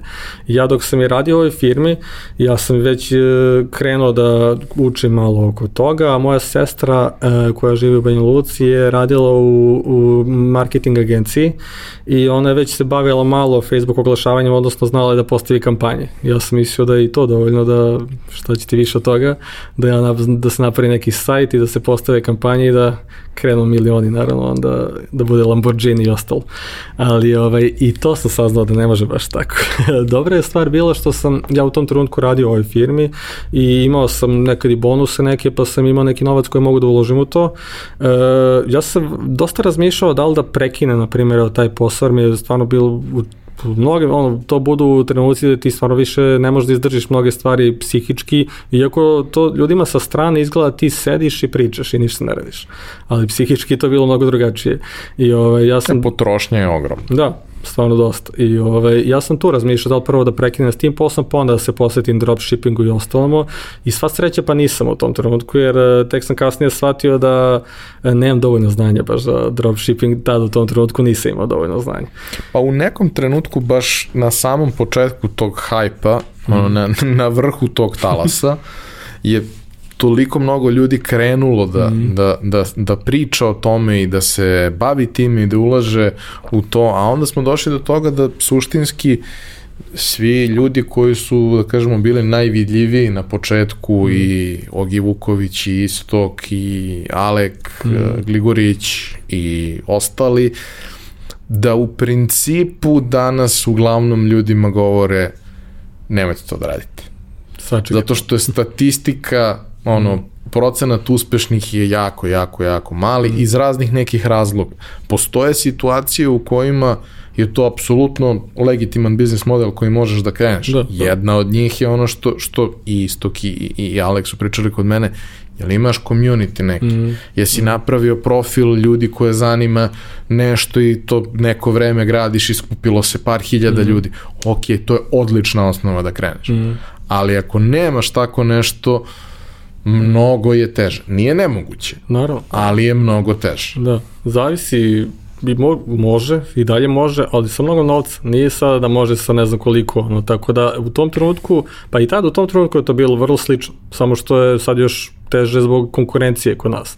Ali ja sam krenuo sa prvim dropshipping biznisom bez stvarno ikakvog znanja i o Facebook Adsu i o ne znam čemu, nego stvarno pročitanih tih e, par blogova i ulazak u Balkan, dropshipping Balkan grupu kad se, kad se pokrenula, e, gde sam krenuo da prodajem stvari koje nisu ni dozvoljene prvo da se prodaju. Bile su Game of Thrones neki, nek, neke stvari iz te serije gde smo našli na AliExpressu, tad je bilo popularno ja sam mislio naravno to će se prodaje, samo ubaciš 10 dolara u reklamu i zaradiš 300.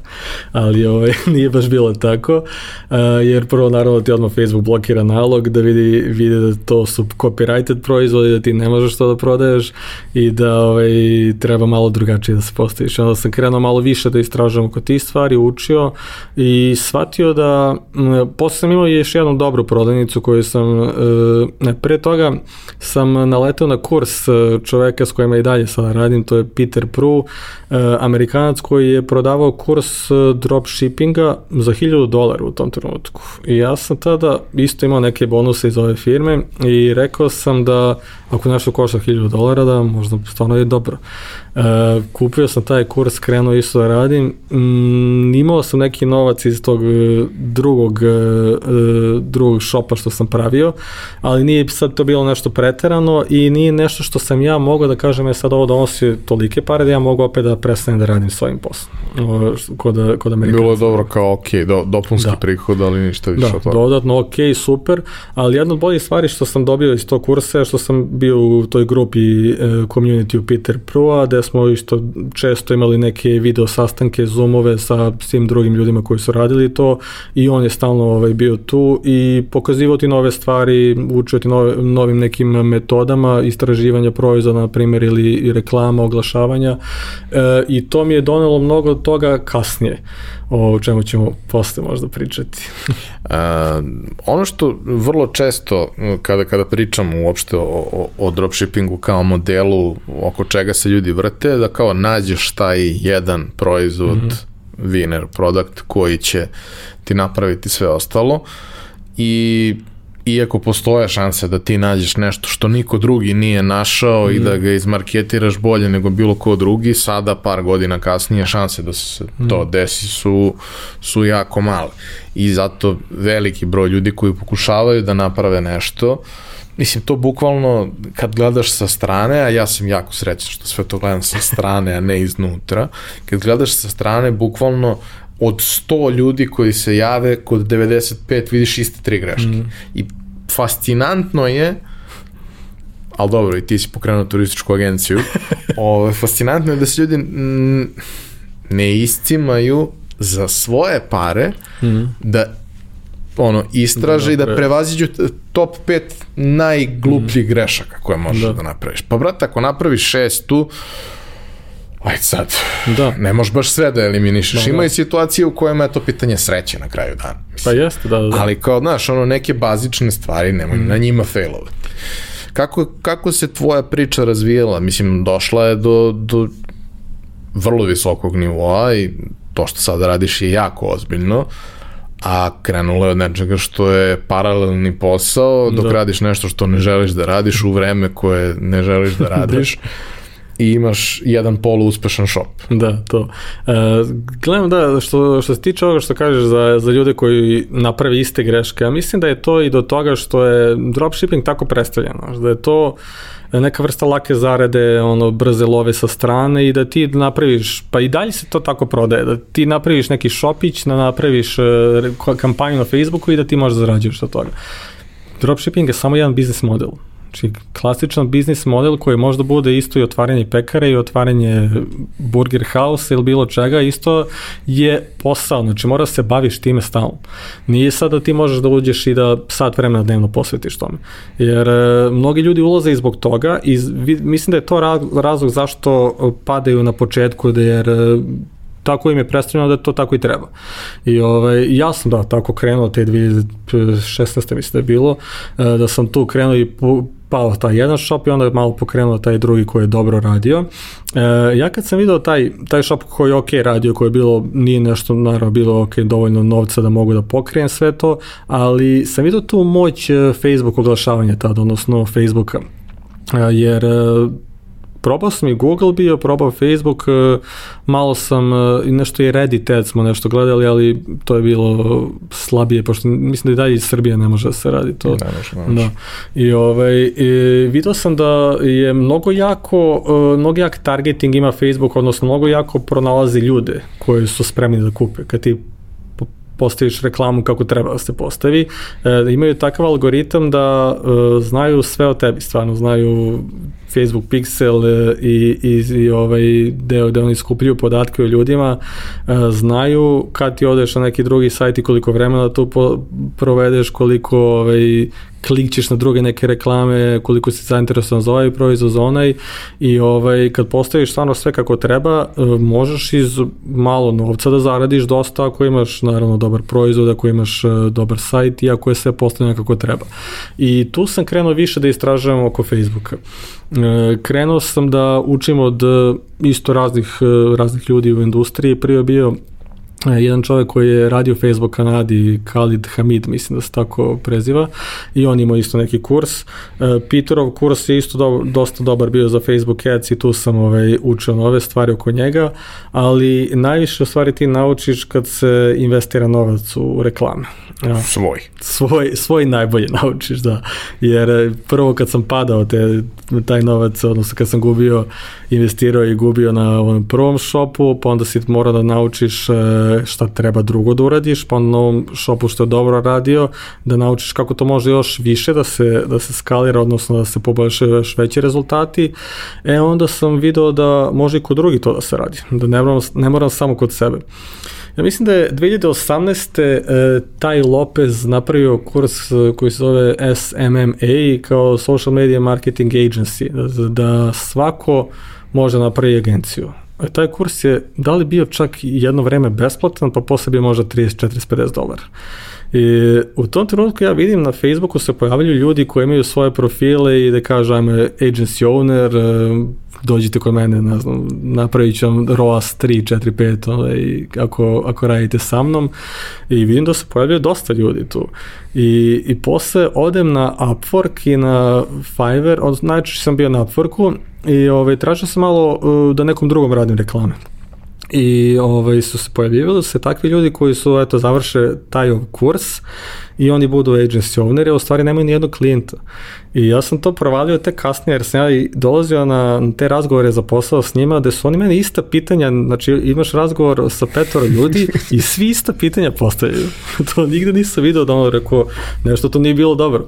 I tek sam posle video da ono, ja sam posle naviku rekao i ono, kad kažem odgovor odmah i ne mora da mi pita pitanje. I da kažeš odmah svih pet odgovora. odmah kažem šta je.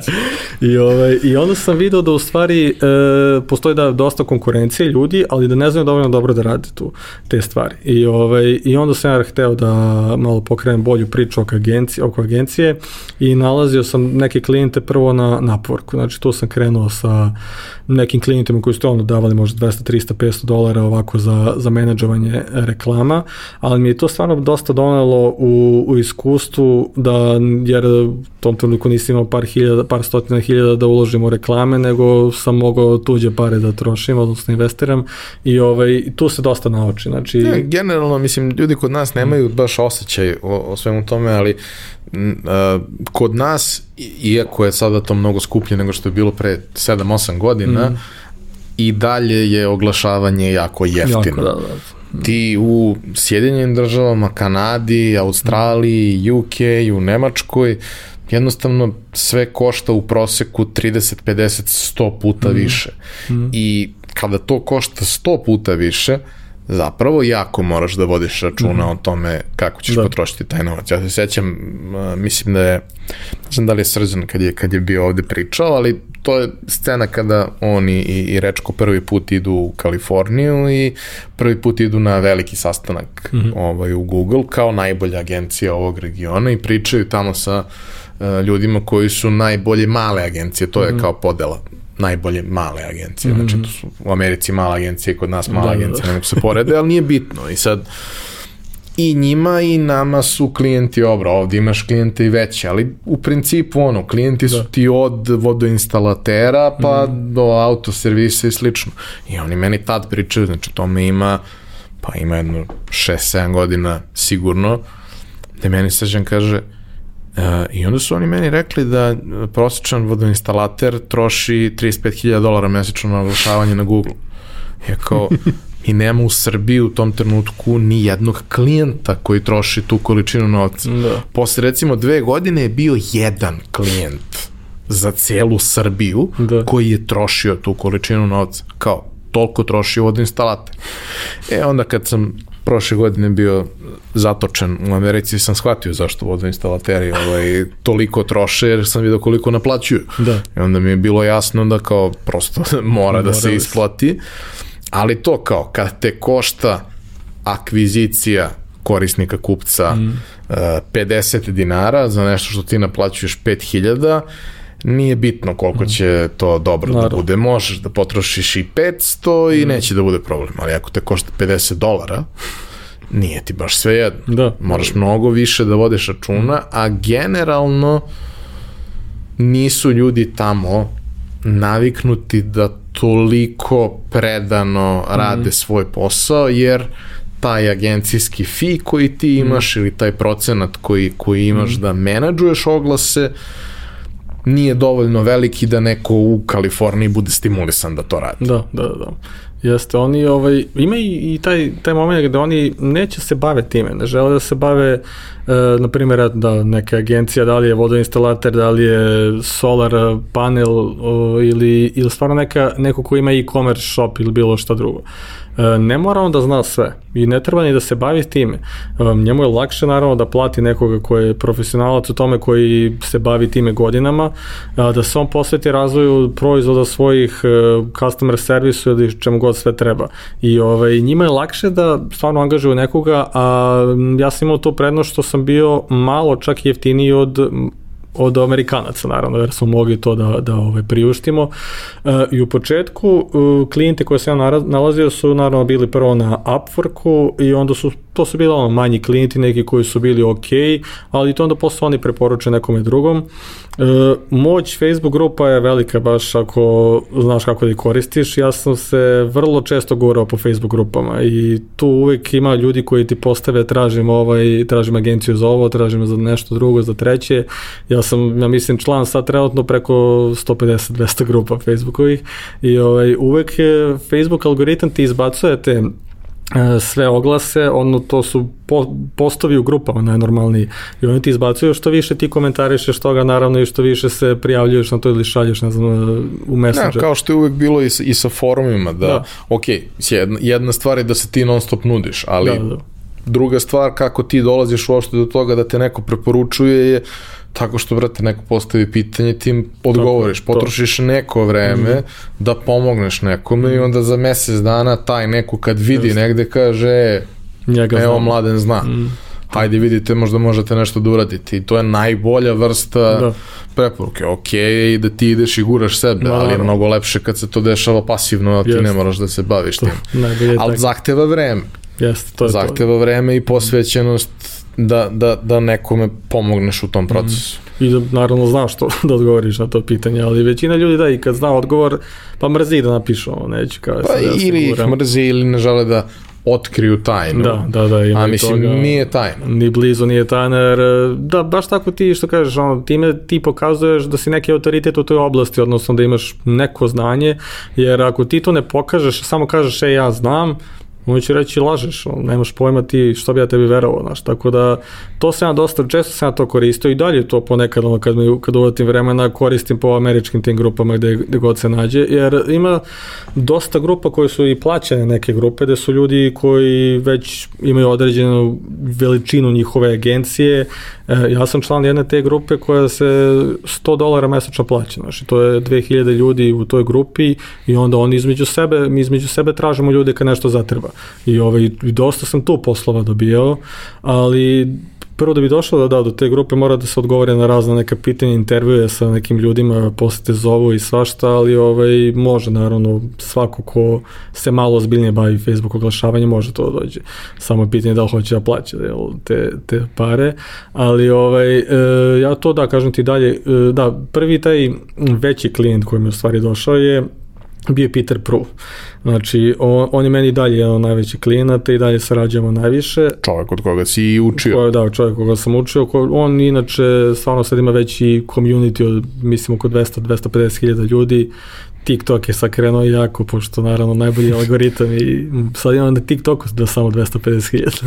I, ovaj, ali u Americi TikTok stvarno dobar sada za, i za biznis i za ovako pružanje nekih usluga, tako da malo drugačije nego kod nas što znači da će to doći kod nas u narednim godinama i ovaj, preporučujem uvek svima da malo ozbiljnije prođu, da malo kroz, kroz TikTok i da pokušavaju nešto ako žele se baviti time.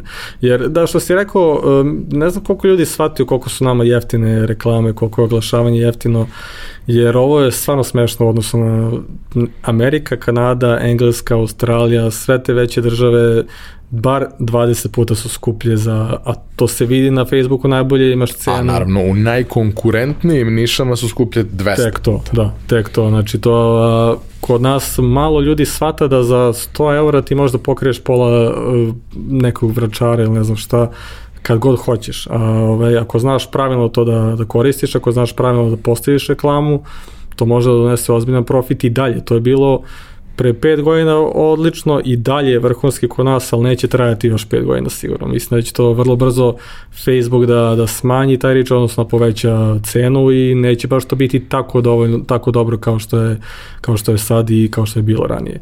Šta je model saradnje koji imaš? Sa e, Peterom. Sa Peterom, uh, da, uh, kako sam počeo stvari kod njega je tako da što on mene znao iz njegove te grupe, community što ima, ali nije znao koliko se ozbiljno time bavim i kakav je projekat svega, odnosno koliko imamo, imamo tad i zaposlenih i da li, da li uopšte može da se ima neka saranja.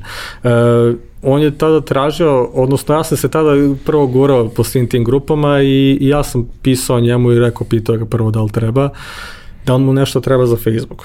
Znači, iako nisam nikad, on se nije nudio, on imao kurs taj Facebook oglašava, pardon, dropshippinga, imao kurs dropshippinga i on obavio se odgovaranje na pitanja u grupama, ja sam pitao sve ljude da li nekom nešto treba i to ono što ne treba da se plašite da nekog pitajte, koliko god veliki bili odgovorit će vam možda čak ako odgovore posle dve nedelje, super, nema veze odgovorit će. A i ako ne odgovore? Šta ima veze, da. Šta, šta je najgore što može se desilo, da.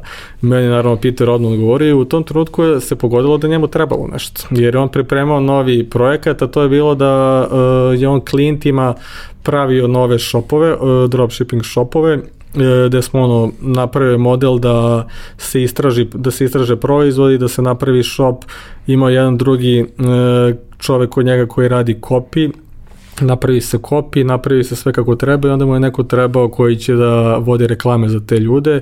Odnosno, ne treba samo da se pokrenu reklame da dođe do nekih 5, 6, 7 prodaja, da, da oni vide da, da to radi, pa da posle e, mogu sami klijenti da preuzmu, da preuzmu oglašavanje. Ali suština je ti dođeš i kupiš od njega gotov biznis. Da, to je, e, e njegov se tako zove proizvod biznis in a box, da. Gotov je biznis i, ovaj, i to je on prodavao ljudima i dalje naravno prodaje e, kao gotov proizvod, sad zavisno od toga koliki support hoćeš, e, bile su određene cene, jer imali, posle postoji support od njega, od mene, od drugih ljudi u, grup, u ekipi e, za dalja pitanja. U Basecampu, naravno tamo posle pišu sve i svašta i, ovaj, i po tome se su bile cene proizvoda. I tom trenutku da on je to počeo, njemu je trebao neko za to. Mi smo krenuli sa jednim dva klijenta, on je vidio da je to ovaj, on, to što njemu treba, da mi radimo dobar posao i dalje, dalje smo nastavili da sarađujemo i dalje sarađujemo što se to, toga tiče. E sad pojente, pošto uh, on da biznis i na box, ali to su većinom ljudi koji nemaju dodira sa puno ni sa digitalnim marketingom, niti znaju ovaj, o svemu, e, treba im posle neko da im vodi to oglašavanje. I ovaj, onda smo dogovorili Peter ja da to budem ja i moja agencija, da, da mi to radimo za druge kada hoće i naravno delimo tu profit, tako da je to jedan drugi deo e, koji, drugi deo modela saranje sa njima. Dakle, jedno je setup, drugo je neki maintenance. Da to. To, to, da, da. Dobro. A e, otkud ideja za kurs? I kad je ono došlo? E, došla je, pa ideja je došla ima jedno sigurno godinu dana da sam ja razmišljao o tome da sam gledao uh, da li postoji neki takvi kurs, jer sam video da uh, ideja za kurs u stvari je najviše došla iz toga da vidim potencijal na Balkanu koji nije iskorišćen. Potencijal kod drugih ljudi, znači kod malih biznisa, ljudi koji možda ne mogu da plate agenciju ili ne moraju da plate agenciju, mogu sami da rade. Uh, Facebook oglašavanje je stvarno toliko jeftino i ako se pravilno postave stvari može da im donese mnogo više profita nego što, što ulože naravno novca. E, ja sam znači istraživao gledao da li postoje neki kursevi inače za u toj niši o Facebooku. E, bilo je neki pokuša, bilo je nekih sad i kurseva manjih, ali je problem što većina ljudi e, ovde ide naravno kupovina kroz inbox i onda nisu ni navikli da rade reklame iz, business, iz Facebook Business Managera gde se mnogo bolje radi i isto tako mogu da postave. Dobro, većina kurseva koji su koji postoje, koji su pravljeni, su pravljeni suštinski da ti reše taj problem da imaš social kao mm. zaokružen. Da znaš da, da vodiš profile, da, da. pa onda usput i da znaš da boostuješ objavu, ali jeste, ne jeste. da sad praviš neko ozbiljnije oglašavanje. Ima i toga, mm. ali vrlo redko je to bilo okrenuto ka e-commerce biznisima, da. jer realno uh, pre korone i komerci jeste bio prilično rezervisan mm. samo za one velike mm -hmm. koji su videli u tome ozbiljan potencijal jer ti ako si veliki pa i nek ti 10% prometa dolazi da. kroz online i 10% naravno, je mnogo. Naravno, naravno. naravno. Ovaj, a većini njih je da. dolazilo i, i više. No došla korona, svašta se izdešavalo, mm i sad je to postala tema za razmišljanje mnogima, a potpuno drugačije se postavlja stvar kada ideš na ono mm. Brand visibility da, i awareness i kada ideš na performance, što je osnova svakog e-commerce. da. Da, tad, u, jeste, u koroni je to sve buknulo, odnosno svi su videli u stvari morali su, tad su u tom trenutku morali da idu na, na online i nije bilo dru, druge opcije, ali su videli da stizali prodaje verovatno u tom trenutku i da može to mnogo bolje da ide. E, ja sam video da jeste mnogo, jer imao sam ja upita, naravno ja sam malo i aktivniji u našim grupama, Facebook grupama i znaju da sam neko ko se time bavi i naravno često su me ljudi pitali ovaj, šta treba ovde, da li ovo, kakvu kampanju tamo, kakvu kampanju za dropshipping, kakvu za kad se radi na Balkanu, jer i to su kampanje koje moraju različite da budu, naravno ne može ista reklama da bude na e, tržištu Srbije i na tržištu Amerike. I, ovaj, i imali su, video sam da postoje ljudi koji i ovde dosta prodaju, E, I to vrlo sličan biznis model kao dropshipping, ali mislim slični proizvodi, nije model, ali su slični proizvodi ti, samo što imaju kod sebe na lageru robu. I, ovaj, i tu je neka ideja prva došla za, za kurs, jer video sam da postoji uh, dosta ljudi koji imaju ili problema sa Facebook Business Managerom da im e, blokira nalog, da prodaju neke stvari koje ne smeju, možda ne pročitaju polisi ili sad kad je došao onaj update sa iOS-om, ovaj, su mnogi imali problema da se prilagode tome i ovaj, tad sam ja rekao da vreme da se napravi kurs. Nisam imao neki sad e, rok do, ja, do kad ja to moram, naravno imam i dalje agenciju koju vodim i klijente, tako da nije to nešto što sam morao u tom trenutku odmah da završavam, tako da mi je trajalo možda par meseci to ovaj, pravljenje kursa i eto pre mesec, mesec i po dana je krenulo. I e, šta je ako ćemo sad da, da probamo da to uh, poslužimo, mm -hmm. šta je ono što kurs daje, odnosno šta je tvoj cilj s tim kursom? Uh, kurs je prvenstveno namenjen dropshipperima i, ili ljudima koji imaju e-commerce biznis u Srbiji, pardon, na Balkanu ili inostranstvu. Znači nije bitno da li je, uh, da li je samo Ameri, da li se radi samo sa Amerikom ili ne znam Kanadom, nego i za ove ljude kod nas koji imaju svoj e-commerce biznis ili možda planiraju da imaju neki e-commerce biznis. Uh, mislim da u kursu je detaljno stvarno objašnjeno od početka prvo kako treba da otvorite biznis menadžer, odnosno da napravite stvari od verifikacije biznis menadžera, domena do ostalog, da vas ne bi Facebook blokirao. Jer sad zbog, blokira sad stalno sve. i bez ikakvih Sad baš bez, razloga. bez pitanja, bez pitanja, samo kad otvoriš. Vrlo se često dešavalo da niko nije imao postavljeno ni jednu reklamu, a da već ima blokiran biznis menadžer, jer nisu postavljene biznis verifikacije ili ne znam još neke stvari. I objašnjeno, znači, početak toga, postavku kampanje i ono što e, kod nas malo ljudi je posvetilo pažnju tome je u stvari čitanje rezultata kampanje. Jer to je ono što treba da, da bude najbitnija stvar u Facebook oglašavanju, da ti znaš šta znači ako je, ne znam, sad ljudi koji ne znaju o čemu se radi CPM, ne znam ako je 20, šta treba da se uradi, šta se radi ako je e, ako, ako cost per click košta 2 dolara, šta da se radi ako je, ne znam, average cart value toliki i ostalo, tako da mora da, im, da se zna na osnovu čitanja rezultata šta da se promeni u reklami da bi se to poboljšalo. E, naravno nije za svako to isto, nije za svaki biznis isto, ali ja sam u kursu objasnio e, osnove šta, e, šta treba da znaju, koje metrike da prate, koje nisu neke toliko bitne, jer Facebook u Facebook Business Manager ima stvarno mnogo stvari koje možete da vidite, da da izračunate, sad ne, može, ne mogu mi pada na pamet svi, ali stvarno razne, razne stvari, ali ima određene koje su najbitnije. I kada se one dobro poslože, kada znate šta, kada znate svoje brojeve, tad možete i da skalirate reklame, odnosno da poboljšate prodaju, da povećate profit i ovaj, naravno dalje e, imamo i neke dodatne Facebook Ads treninge da imaju mm, da imate u Facebooku isto da može da se napravi e, da tražite Facebooku po određenoj ceni da vam nađe kupca. Pod, ako hoćete da vam bude to, su, to je bidovanje klasično, znači kažeš na Facebooku da ti daješ možda 10 dolara za kupca i on će tražiti samo kupce uh, u to u okviru te cifre koju, koju ti postaviš, tako da tu je našto objašnjeno u treningu, uh, Instagram isto oglašavanje i uh, dosta stvari je posvećeno za oglašavanje na Balkanu, jer Balkan naravno nije isti kao Amerika i dosta su drugačiji brojevi tu i ono, pošto kod nas najčešće ljudi rade boost preko, naj, naj sad u posljednje vreme preko Instagrama ide boost, što je okej, okay,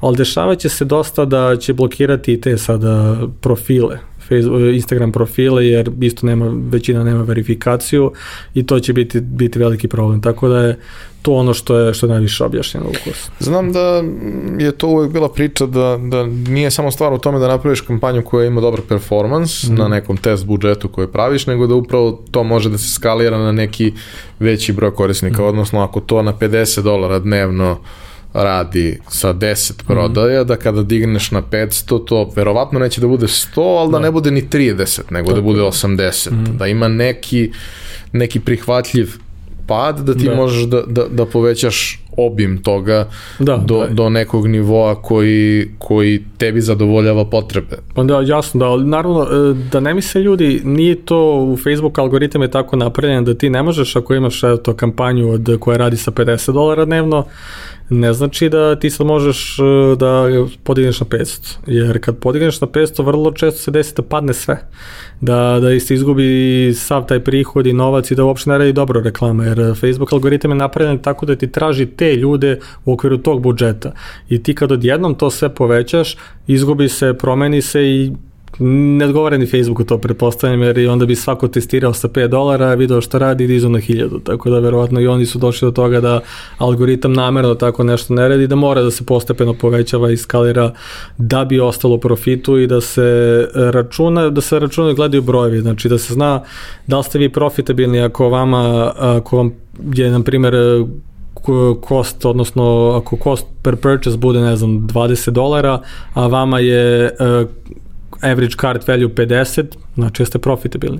Ali ako smanjujete average card value, povećava se ovo, uh, povećava da, se... Zavisi naravno od profitne margine Jasno, na samom da. proizvodu. Ima proizvoda na kojima ima margina nekoliko Može, procenata da. i ti u tom slučaju imaš jako Džabe, da. mali da. jest, jest. prozor koji pokušavaš mm. da, da, da pogodiš ovaj, oglasom. A, šta sam još teo? Znači, e, kada pričamo o uh, Facebook oglašavanju, postoje različiti ciljevi. Ono zašto je kurs primarno opredeljen su ljudi koji žele da naprave direktnu prodaju, da urade performans, da za određenu količinu novca dobiju određenu količinu kupaca mm -hmm. uh, i to je jedan deo ukupne publike koju, koju interesuje Facebook oglašavanje. Za one koje interesuje da na kraju dana svi saznaju da je otvoren novi kafić, da se isprati šta se mm -hmm. dešava oko toga, malo je verovatno drugačiji pristup. Da. Ali, šta je to što, što e, kada dobiješ priliku da, da analiziraš šta ljudi rade, šta su najčešće greške koje, koje prave, mm -hmm. odnosno, ono, ajde da, da im damo tih tri ili pet stvari mm -hmm. koje 90% ljudi mm. pogreši ili o kojima ne razmišljam na ispravan način, da. a ostalo neki istražuju sami ili na kraju dana neka kupe kurs. Da. Uh, najčešće u poslednjih evo, par meseci, koliko vidim, je uh, nepripremljenost na ovaj iOS update uh, i da ljudi imaju problem s tom verifikacijom business menadžera, a kada to i reše, imaju problem sa e, verifikacijom domena. Znači, ljudi ne shvataju da domen mora da bude verifikovan u Facebook Business Manageru, da oni znaju da je, da je to vaš, uh, vaš proizvod, vaš brand, da ne možete nečije druge proizvode da prodajete. Uh, I to su neke greške što ja viđam da ljudi počnu da oglašavaju bez toga i onda dolaze sa problemom uh, disablovanog business menadžera, odnosno nemogućnosti više oglašavanja na tome. Uh, postoje uvek načini da se zaobiđu te stvari, onda ljudi traže i od mene da se otvore neki drugi biznis menadžere na druge ljude, da se kupe, postoje ljudi koji prodaju već verifikovane biznis menadžere, ali to nije nešto što može na duže staze, što ovaj, može da se istrpi previše u biznisu. Znači mora stvarno da počnete od početka i to su te stvari gde ja gledam najčešće u poslednje vreme da oni greše. E, po, sledeća stvar je da ne znaju ciljeve svoje kampanje No, to je jedno ono, ono prvo pitanje kad ti da. namestiš sve i treba da kreneš, dobiješ mnogo opcija. Da, da. I 8-9 opcija postoji odmah tu. I ti sad gledaš šta je, ali obično u sredini, ljudi vide često sredinu tu i u sredini ima trafik, odnosno kampanja gde, gde ljudi samo dovode e, ljude, e, potencijalne kupce na, na sajt. A Facebook algoritam radi tako da stvarno šta god im kažete da urade, oni će to uraditi postoji engagement kampanja, to je kampanja gde, gde oni traže ljude koji najčešće lajkuju, šeruju, komentarišu. Da, onda prikazuju vaš oglas, on ima što, svi, što sve yes, šeruje. Da. Jer jedino što Svima je bitno to. je da imaš, da ide to, ispuniš kvotu. Ali postoje ljudi koji hoće prodaju na, na sajtu, koji hoće da nešto, da ljudi nešto kupe i onda postave engagement kampanju. Oni će samo dobiti lajkove, šerove, komentare i onda dolaze sa pitanjem zašto nema prodaja. A prodaja nema zato što niste Facebook rekli da tražite prodaje. Znači, tra, bukvalno mora da kažete Facebooku hoće to, to. Jer isto tako je vrlo često sa trafik tom kampanjom koja stoji u sredini, jer eh, Facebook traži ljude koji klikću na, na sajt, na link neki. I oni kliknu na link, ali stvarno pročitaju nešto, pogledaju par sekundi, minut, dva i odu na drugu stranu. Uh, ali ako stvarno kažete Facebooku da hoćete conversion kampanju za konverzije i da podesite da su to konverzije uh, kup, purchase, kupovina, Facebook će tražiti tačno te ljude koji stalno kupuju, koji su u posljednjih možda 7 dana kliknuli tu, koji su išli na cart, koji su išli na shop i ovaj, tražit će one koji su zainteresovani naravno za vaš proizvod ako ste podesli pravi targeting i ako ovaj, je podešeno sve, sve kako treba. Tako da tu vidim m, mm, jedno od češćih grešaka i ovaj, ovo oko verifikacije biznis menadžera i mnogi su se pre, kad je krenulo već pre šest meseci taj iOS update, plašali su se mnogi ljudi, nisu znali šta se sve dešava. A šta se sve dešava? Dešava se to da više nema trekovanja ljudi koji imaju iOS update, odnosno sad na Apple kada na, na uh, Apple uređaju koji ima iOS 14 ili 14.5 uh, odmah kad uđete na Facebook će vam se pojaviti opcija da li dozvoljavate da vas Facebook prati ili ne.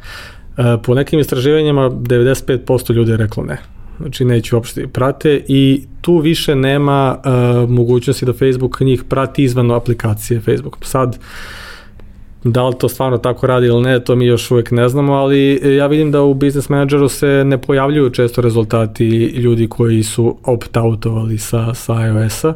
I ovaj, pojavili su se problemi ljudi koji su misli da nikad više neće moći njih da targetuju i da neće moći da se nađu, ali postoji drugi način tako da može još uvek, ali e, problem je bio oko toga da su da je Facebook govorio da će da se blokiraju nalozi i zato su ljudi bili uplašeni, nisu znali o čemu se radi, ali sad stvarno tačno se zna mora da se verifikuje business manager, mora da se verifikuje domen i mora u tom domenu da se podese eventovi, odnosno e, da imate osam e, samo osam možete da imate eventova koji možete da koristite za Facebook oglašavanje. Znači, ako hoćete e, kupovine da vam bude prvi purchase, da bude add to cart, da bude view of content i ostale što god treba i to ono što, što treba, bukvalno te tri stvari je Facebook Biblija sada i to svako mora da, da uradi. Da, ali suština je da prosto uh, tražiš ono što ti stvarno treba, a da. ne da gledaš... Mislim, uvek tu postoje različite opcije. Ti na kraju dana sve to staviš u nekakav Excel ili, ili prosto gledaš u tabelarnom prikazu i vidiš šta ti se više isplati. Da, Može da. da se desi da ti se više isplati da pustiš rič kampanju Just, i da, da iz nekog razloga to radi bolje. Da, da. Ali ako hoćeš da budeš siguran da će ti napraviti konverziju, mm. kao što je i još davno moj dragi prijatelj gospodin Varga rekao ovde, e, ja radim sve što mogu, sve što mi padne na pamet, uložim svojih 15 godina iskustva i sve i mašina me pobedi svaki put. Jednostavno, ono, mnogi stvari znaju pre nego što ih mi yes, znamo, yes. mnogi stvari znaju bolje nego što da. ih mi znamo i onda je to negde u principu glavni problem. Ono što ja isto vidim uh, kao konzument uh, i, i, i neko ko prosto ono ne blokira oglase da bi znao šta se dešava i šta gde ide je da vrlo često targetiranje oglasa pogrešno i da vrlo često ja dobijam oglase koji mm. apsolutno nisu za mene. Mm. Ok, sada imamo i tu situaciju da za uređaje koje ja koristim, a svi su došli iz Kupertina, uh, on više ni ne zna kome servira da, te oglase, da. tako da sve ide svima, mm. tako da će meni servirati oglase za uloške i kozmetiku, jer jednostavno ne zna da. ko sam. Ali e, i dok to nije bio slučaj, vrlo često su ljudi gađali mnogo šire, računajući valjda da ako gađaš šire, veće su šanse. Pa da. nisu. Mm. Ako postoji neki kor i ti nemaš dovoljno para da baš ispolivaš sve ljude da. na, na, na Facebooku, uh, onda se bolje fokusira na ono gde imaš veću šansu da, da nešto napraviš. To je bilo, da, da izvini što prekidam, to je bilo, ovaj, neko je to rekao jednom trenutku, ne znam više ni ko, da je za Balkan najbolje radi kad, je, kad nema targetinga. Kad imate neku video reklamu i da samo pustite reklamu i Facebook će sam naći. Nije baš stvarno tako. Ovaj, zavisi za koje proizvode. Facebook algoritam jeste uči sve više više odličane, oni to poboljšavaju, ali ako imate neki proizvod koji je stvarno za, za e-commerce, za, za ove ljude koji se bave digitalnim marketingom, slobodno targetirajte njih. Ne mora da vidi neka, ne znam, baba iz, koja na, na pijaci, ne mora da vidi tu reklamu, jer ako vam imate toliki budžet, najbolje je da iskoristite za, za ovaj prave ljude koji treba da vidi tu reklamu. Šta, o čemu recimo ljudi mogu da razmišljaju kad je targetiranje u pitanju kao nečemu što, mm. eto, nije na prvu loptu Da. Logično, ali može da bude interesantno. Pa najčešće, pa tu najčešće dolazi do izražaja istraživanja to, odnosno vi morate da znate za, za koga je taj proizvod koji vi prodajete ili više proizvod. Znači vaš brand šta pomaže tom drugom. Treba da razmišljate najčešće o nekome tom koji vidi tu reklamu. Znači neko ko gleda tu reklamu nije došao sigurno, probudio se ujutru i rekao, e sad ću ja da kupim nešto na Facebooku, jedva čekam da vidim šta ima od reklama. Nego si došao naravno da vidiš šta drugi ljudi postavljaju statuse, gde su im prijatelji, u čemu se radi u toku dana i ovaj, izleti im neka reklama, ta reklama mora da bude za njih reklama. Znači cilj Facebooka je u stvari da oni poboljšaju korisničko iskustvo i da oni zarade pare ali oni ako će samo da zarađuju pare, a neće biti dobro korisničko iskustvo, neće, neće trajati. neće trajati. Da, i to je nešto što Facebooku isto ne odgovara. Tako da oni gledaju obe strane i taj targeting je bitan najčešće zbog tih stvari istraživanja vašeg potencijalnog kupca. Znači, post, bilo je ranije, skoro je to ukinulo to pre možda mesec dana u Facebooku, Audience Insights je zvala opcija, gde si ti mogao da nađeš na, na raznim targetingama, na, na raznom targetingu si mogao da vidiš, na primjer, kolika je ta publika i koliko su neki slični ljudi od te publike. Više to ne postoji, ali imaju neki softveri koji to rade, koje mi koristimo, ali su to većinom plaćeni softveri, za sad nisam našao ni jedan besplatan. E, najbolje je u stvari da vi znate kome se obraćate i da li je to neki proizvod ili vaš brand, ali rešava neki problem pot, potencijalno vašem kupcu. I ono što vrlo često mi istražimo je da e, postoje neke niše, neke grupe ljudi koji imaju sobstveni jezik u principu, imaju neke stvari koje pričaju drugačije, neke, e, neke uzrečice, bilo šta, istražite to te stvari možete ako ćete targetirati Ameriku na Amazonu vidjeti u komentarima. U komentarima ljudi vidite mnoge stvari koje su koje mogu biti dobri za vaš kopi, a i za vaš e, brand, odnosno za, za taj proizvod koji hoćete da Dobro, ne znam koliko je to kod nas izraženo, da. mada ima. Ima, da. Ovaj, ali za Ameriku je jako mm. izraženo i ti ako pokušavaš da komuniciraš sa publikom čiji realno nisi deo, da ako ne radiš to na njihovom jeziku, ti si mm, Videte, uljez. Da.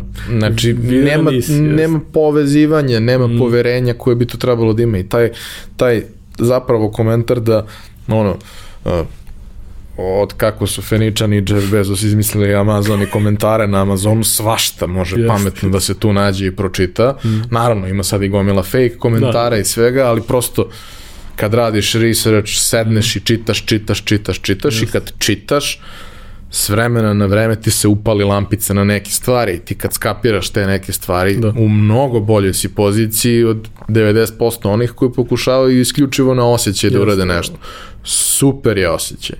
Mnogo je dobro kad imaš dobar osjećaj, ali je još bolje kad imaš podatke koji potvrđuju da ti osjeća kako mnogo, treba. Mnogo bolje, da. A, gde ljudi mogu da nađu kurs i uh, rekli smo da ćemo da im damo neki promo kod sa, da. sa popustom, pa izvoli predstavi. Hvala, daćemo im da uh, kurs možete naći na fbmarketingakademija.com i za sve slušalce pojačalo podcasta daćemo 20 eura popusta na kurs, znači samo treba da ukucaju kod 20 off, off, 20 off i ove pojavit će vam se cena 20 eura niža.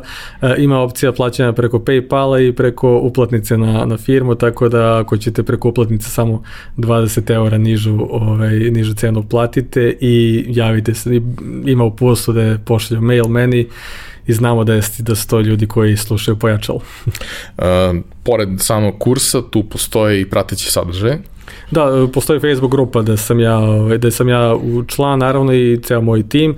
E, to je jedna od e, dobrih većih stvari što, što kurs daje, jer e, naravno ljudi pogledaju kurs sve ok, ali nekad ima nekih nejasnoća, odnosno kad krene to oglašavanje, pojave se neka pitanja i tu smo uvek za, za njih. E, budu i nedeljni, nedeljni Q&A-evi, odnosno pitanje i odgovori kad ljudi ovaj, imaju neke nedoumice, tako da tu smo uvek za njih. Dobijaju se i besplatni bonusi uz kurs ko se bavi dropshippingom mogu da nađu neke proizvode koje mogu da targetiraju, dobit će jedan ClickFunnels template koji mogu da koriste takođe i ovaj, taj pristup da besplatno, odnosno plaćene Facebook grupi, to je ono što, što nudimo. Vi na sajtu će naravno vidjeti još sve. Da, imaju treba. sve informacije, svakako link je u, u opisu podcasta, ali ono što, što je jako važno važno je da, jeli, osim samog kursa koji nosi sa sobom neku vrednost i pratećeg materijala, kada dođeš u neku da. realnu životnu situaciju, kada imaš neko konkretno pitanje, imaš kome da postaviš i yes. dobit ćeš odgovor, dobit ćeš podršku dok se ne uhodaš, a nekad i kad se uhodaš, nije loše imati još da. jedan pogled sa strane ili nekoliko ljudi koji, naravno tu su i kolege koji su slušali kurs i ljudi koji, koji rade kod tebe, tako da prosto mogućnost da se uvek neka, neka situacija i neka, neki specifičan problem mm. sagleda iz više različitih uglova, pa možda će jedan od njih da. dati neko rešenje koje, da. koje ne pada svakome na pameti. Tako um, hvala ti što si bio, što si podelio svoju priču, nadam se da, da je ljudima to bilo interesantno. Sve što vam je kao zanimljivo i imate kao neko dodatno pitanje, postavite u komentarima, Mladen će ispratiti i odgovoriti. Ovaj, imaćete u opisu sve informacije o tome kako da iskoristite promociju i, i, i dobijete ovaj, popust eh, na kurs, a dobili ste mnogo nekih konkretnih saveta kako da uh, i učite, ali kako i da upravljate nekom svojom karijerom, a i videli ste da i ljudi koji danas rade neke super stvari su u nekom periodu radili neke ne baš tako super stvari. ovaj, tako da mislim da smo, da smo uh, lepo zaokružili ovaj razgovor. Ja bih se samo za kraj još zahvalio našim partnerima iz Epsona koji nas podržavaju, svima vama što ste nas slušali i to je to. Vidimo se hvala. sledeće nedelje. Hvala Ivane i hvala tebi na pojačalo podcastu i svemu što radiš. Od početka slušam i nadam se da drugi ljudi slušaju i svima je sigurno, sigurno korisno. Hvala puno.